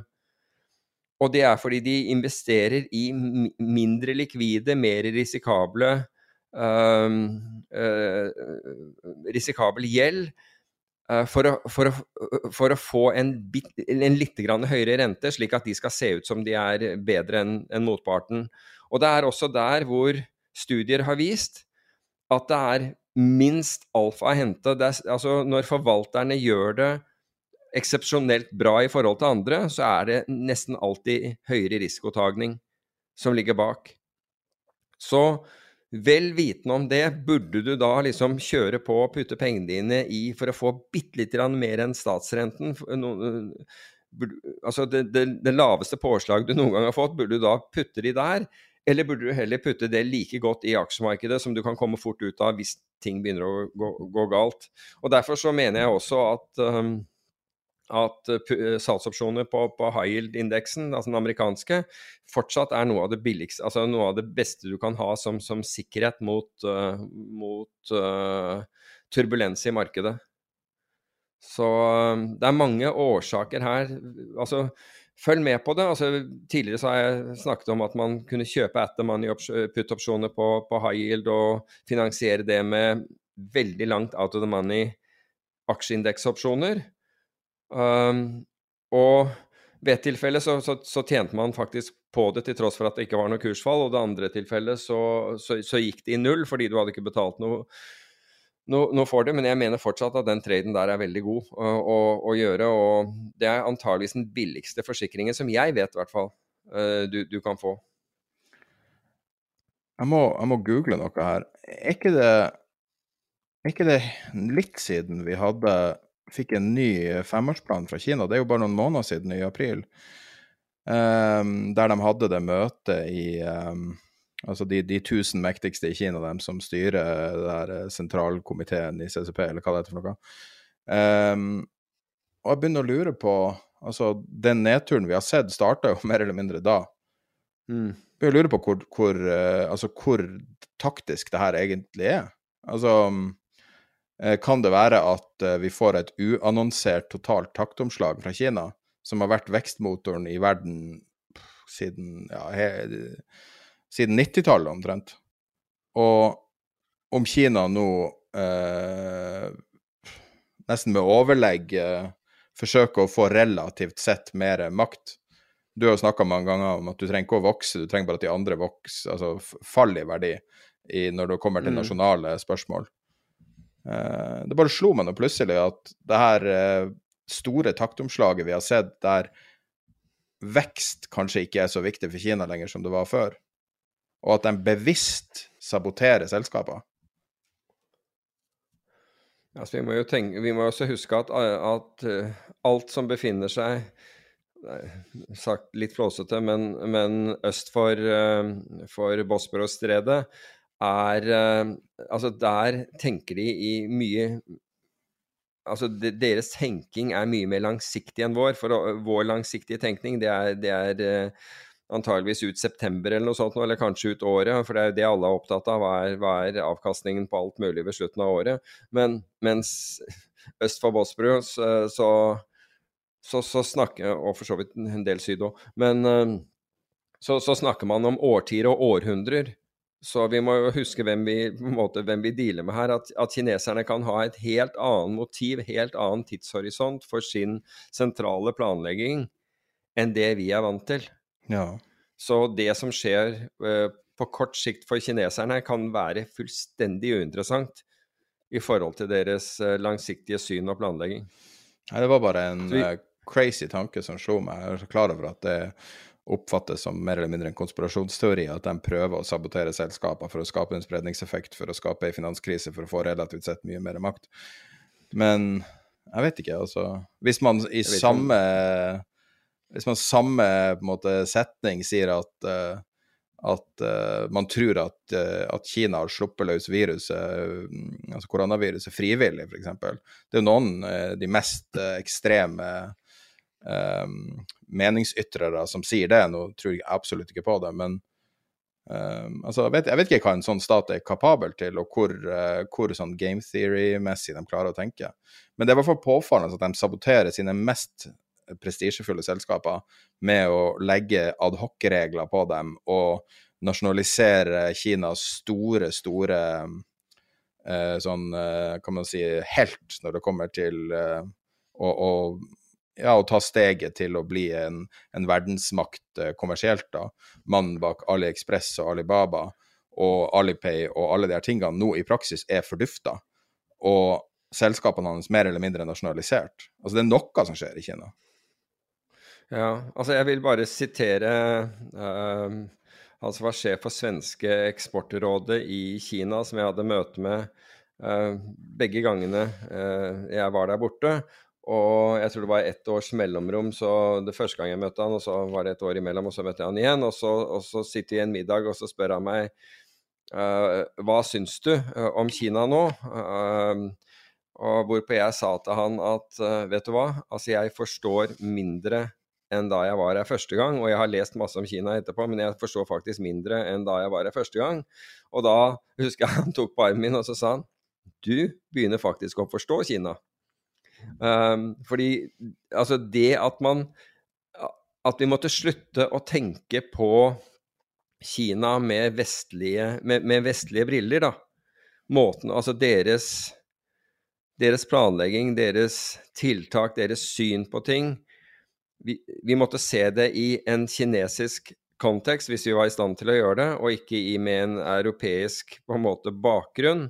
Og først når vi gjorde det, og innså at vi ikke forsto det med vestlige i anførselstegn øyne, så begynte vi å forstå. Um, så jeg tror det er veldig viktig Altså, jeg, jeg, tror at her må man virkelig tenke. Her må det virkelig tenkes for at vi skal kunne forstå, ikke bare fatte raske beslutninger på basis av det vi oppfatter å være greit og normalt. Ja. Jeg vet ikke om det var, var så grensesprengende at det slo deg ut, men Nei, jeg bare, men, jeg bare tenker. Det er ikke lov Men jeg, jeg syns det var utrolig godt sagt av han, altså, fordi jeg, jeg forsto faktisk hva, hva, han mente. Ja. For øvrig på samme turen jeg, Det er mulig at jeg fortalte tidligere, men vi var i Shanghais høyeste bygning. Og um, kontoret ringte meg, så jeg tok telefonen, og telefonen min ble plutselig så varm at jeg kunne ikke holde den i hånda, så jeg, så jeg avsluttet og la den på eh, en marmorstein som var der, for det var det kaldeste som befant seg der, da, og, og, lot den være der en stund før jeg, før jeg, plukket den opp. Og telefonen gikk ikke an å snakke med, eh, bruk, bruke senere. Mm. Jeg kom til Oslo, så leverte jeg den inn, for der jeg hadde kjøpt den og sa at det var noe gærent med, med telefonen min. Og så, noen dager senere, så ringer de, og så sier de er det ok at du får en ny telefon? At vi beholder den gamle? Uh, ja, selvfølgelig er det det. Ja, for vi skal sende denne her til Apple, for vi har åpnet den, og de, de ønsker å se den. For den var forkullet inni, uten, et, uten å være brent på utsiden. Altså motherboard, alt inni telefonen var fullstendig forkullet, uten at emballasjen, om du vil, var, var påvirket av, det, og Apple hadde ikke opplevd det, og de ville gjerne se, se, telefonen. Så det var en grei, grei, måte for meg å få en ny telefon på, men det var en Fikk du vite hva som hadde skjedd? Nei, jeg fikk ikke vite. Det høres ut som men, telefonen hadde mye aktivitet, og det er ofte mye aktivitet på noe som blir hacka. Så eh, Ja, altså du kan si at jeg Altså jeg tenkte kanskje at siden dette var den høyeste bygningen der, at det kanskje var mange mikrobølgesendere der. Er det det eh, hotellet i Shanghai, det der eh? Nei, det var ikke et hotell, det var en, det var en kommersiell bygning. Ok. Jeg har vært i en Hyatt så... oppe i sånn 100 etasjer. Det er en eiendommelig by i Shanghai, men jeg syns ikke det er den beste sted å besøke, sånn sett. Eh. Jeg syns Beijing var finere enn en Shanghai. Det franske kvarteret, var det vel i, var det i, Shanghai? Jo, jeg tror det. Det var fint. De sier jo at uh, Shenzhen er framtida. Altså hvis du kommer dit, så er det det nærmeste du kommer framtida. Um, okay. Jeg har, ikke vært der. Jeg trodde det var Disneyland, ja. ja, Disneyland er framtida sett fra 1960. ja. Mulig. Godt sagt. And on that note Nei, jeg, vi skal, jeg vil ta opp én siste ting. eh, før vi slipper Howard til, som er ultraoptimist. uh, fikk du med deg den auksjonen som var i forrige uke, den syvårige auksjonen? Ja, den som så ut til å feile? Ja, eller i hvert fall hinta i retning av feil. Uh, lav bid cover-ratio og, og, og, generelt liksom across the board mindre interesse for det. Det var ikke en failure, man kan ikke si det, men Nei da. Men er, jeg føler altså, at vi er på en knivsegg her, altså. Hele tida. Jeg vet ikke, altså Forrige gang var det vel også syvåringen det skjedde med, og mens toårig auksjon gikk kjempebra etterpå osv., så, videre, så jeg aner ikke. Men samtidig så var det rekordtegning i tips, da. Ja. Um, så, så, jeg vet ikke helt hvordan jeg skal tolke det. Kan du forklare tips til folk? Tips er uh, obligasjoner, uh, altså inflasjonsbeskyttede ob obligasjoner. Ja. Men da så, Jeg tror nok svaret er i spørsmålet på å si der. Det sier seg jo sjøl. Ja. Hvorfor interessen er der akkurat nå, liksom.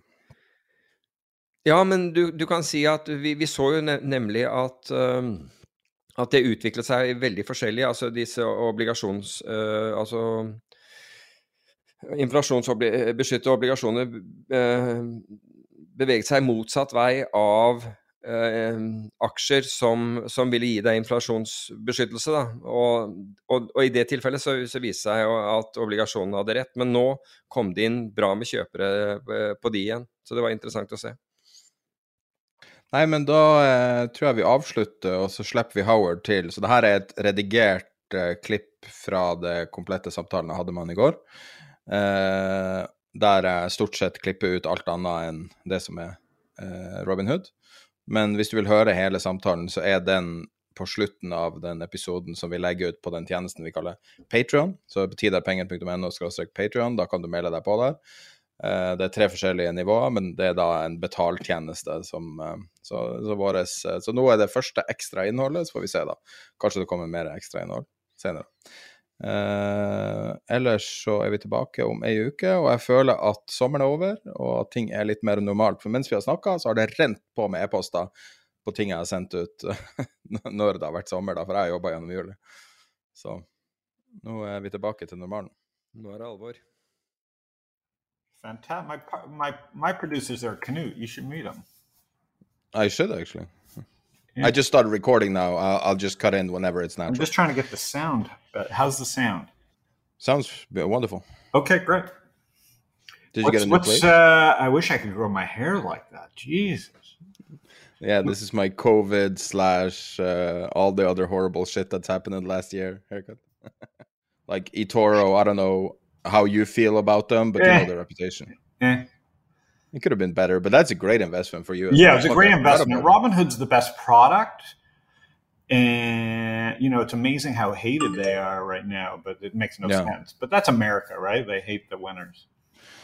Yes and no. I mean, the IPO went great in terms of. I'm not talking about the, the secondary market, but the actual IPO went Yeah. great. Genius. Yeah. You get it. Are you still holding? Are you oh, still yeah, holding yeah, stock? I'll never sell. I mean, for taxes now, I sold a little bit like way back. I mean, why sell? I don't want to, you know, it's not going to zero. So, I love it. yeah, Fuck, I love that's it. a 30 year investment. it really felt like uh, I was watching the the um, waiting for the first prize, Yeah. and I'm like, I haven't felt like this since Facebook. I agree. This is agree. literally Facebook. And I think the customers don't understand it. Uh, I think if they make a few good new product enhancements, they could be 100 billion. Really. Yeah. What do you think is the key? Like, I think the Uh, key is the- going to be acquisitions, right? Like, how do they Oh, really? go around the world? Like, I think they have to use their stock to go buy the, whoever that is and move quickly, checkmate the world. You know, forgetting Yeah. China, you go India, go uh, UK, go everywhere. so the product is the name, the brand is the product. Yeah, I think I think you just buy the customer base and keep switching everybody to the product. But you know, I, it's fun if I listen. You and I, you know, we did this ten years ago. If you could be the corp dev of all successful companies, it'd be the funnest job in the world. Like I'd like to Yeah, exactly. one day a week. Shooting from the hip dev. is uh, very easy. but that's kind of what you do. I mean, you build Yes. a career on that. Yeah, Yeah. Have you have you calculated your percentage gain on that investment? No, I think uh, once it, I was just telling a friend like when we started investing, um, 2000, my first angel investment was 90. Before well, Wall Street? No, my first angel investment where I thought, ooh, the internet is cool and I'm going to get rich was a really bad investment. It was uh, a company called, well, it turned out to be a great investment. It was a company called Viva.com. And Viva, which means uh, live uh, in Spanish, I guess. Not that I speak any languages, but uh, it was a uh, real estate, kind of like uh, apartment rentals in the first web. It became rent.com and sold for about 400 million to eBay. But at the time, I had to make that investment in order to invest in what a company called Cars Direct, which was the first, you know, direct car company at like a Series Q, 1999, top of the bubble. Uh, hey, we'll let you invest in Cars Direct, but here's like a crippled, one-legged blind internet company that you also have to invest in for the right to invest in the sure thing home run. And I was like, I couldn't write a check fast enough because there was no Venmo or wiring back then. And sure enough, that was like the top, like the minute my wire hit, that was like the bubble topped in March of 2000. And so Cars Direct I think eight years later, I sold for pennies on the dollar, got bought by somebody. But Viva.com, which was the crippled one legged investment that was supposed to go to zero, but you, it was a great management team. They turned it into rent.com uh, and eBay bought them. So that was like a lucky first internet investment. But back then, 400 million, like, you you have no idea what that meant in like 2005 that was a huge internet outcome yeah it was huge. money back then huge. I think PayPal was like a billion. Um, really? Wow. Yeah, yeah, and everybody thought that was nuts. That was like in 2000. So, um, so to think about, you know, now you have trillion dollar companies and you like five of them, and you have so many unicorns, like that. Obviously, most don't deserve it yet, but I mean, in a world of software and global distribution in the cloud, maybe there'll be thousands of them. Yeah. Uh, we don't know, but it does seem like you know a God-given right to invest in a unicorn these days. But um, the but how did you how did you find the Robin? No, but what I'm saying is early. So a billion. Imagine investing first in a company becomes a billion. Like in 1999, you were like set for life. Yeah. And you would be today, but now we're talking about companies like Robinhood that become 30. You can't do the math. The math, the, the question was like, what's the return? The returns are staggering um, and they're almost, you know, you can't imagine the type, the percentage returns. And people wonder why kids, this goes to the question today of like, they're making fun of these kids for AMC and GameStop and for weekly options but kids are doing the math and they're and they're like, hey, I'm 20. If I YOLO 200 times, I too may be able to get a Robin Hood, right? And are we begrudging kids once you've handed them the tools, mathematically or not? They're not going to do well trading weekly options. You and I know that. You know, the options traders are too smart, but I think it's rather silly, beautiful, dangerous uh, and legal. And we should be educating kids about math and how these returns, how unlikely these returns are. But to have that opportunity to catch an AMC or a GameStop, legit or not, or Dogecoin or yeah. Ethereum, I don't know. If we don't allow these kids to do that, then with centralization wins and we're all fucked. Like, I mean, the governments around the world right now are so corrupt yeah. and so dug in on keeping the game and the party going, printing money, yada yada yada, that uh, it's a perfect storm for decentralization and what and these valuations that are happening. And these kids, you know, whether it's subconscious or conscious, they're taking YOLO shots because they don't want to work for the man. They don't want to work in a private job. They don't want to be a lawyer, a doctor, an accountant. Uh, the nurses do all the work.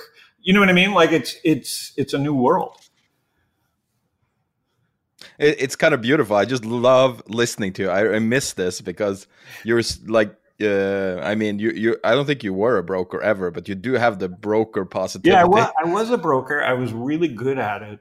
This mm, yeah, I believe you. I mean, your future. I'm looking at your living room. It is so bright. You have to wear shades. I mean, it literally is so bright in your living room. The it's San Diego, and it's funny because are you still are you still in Coronado? Yeah. So just Coronado. I was talking about it the other day. It's such a beautiful place. It's, it's hard to be negative there.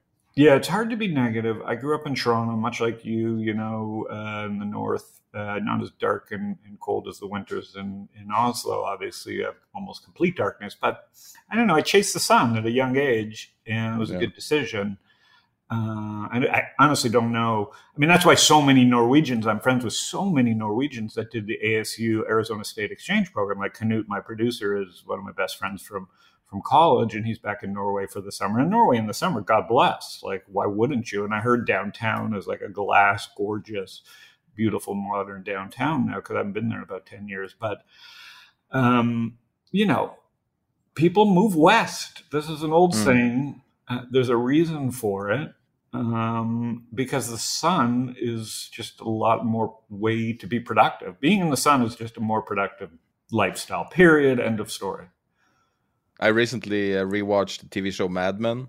Yeah. And it literally ends with him moving oh, west oh, yeah, and yeah, standing yeah. there with the sun. He, he should have stayed in New York. His his genius was. Well, I think the ending was that he did go back and make the best commercial in history with the Coke thing. Yeah. but, I'm just like, I, I, almost get chills from thinking about like the, um, how this has panned out for you. But, but, uh, I, but I, I think I, so. So what I would say is New York's a good drug for me. It's just you know, I am 55 now, and I think about, yeah. you know, I'm thinking about production company. I have the podcast. I'm thinking about now, you know, I'm my first documentary that I sent money in executive producing. So I'm starting to like think through the next 20 years, which is not about money, which is more about, you know, content, which is more about you and I and other people 10, 12 years ago were like, this next generation's gonna mm. we don't know how like you said you should have been a podcaster 10 years ago when we were doing live videos but yeah. back then back then there were so many podcast companies that failed. Even Twitter was a podcasting company called Odeo, which ended up pivoting to be Twitter.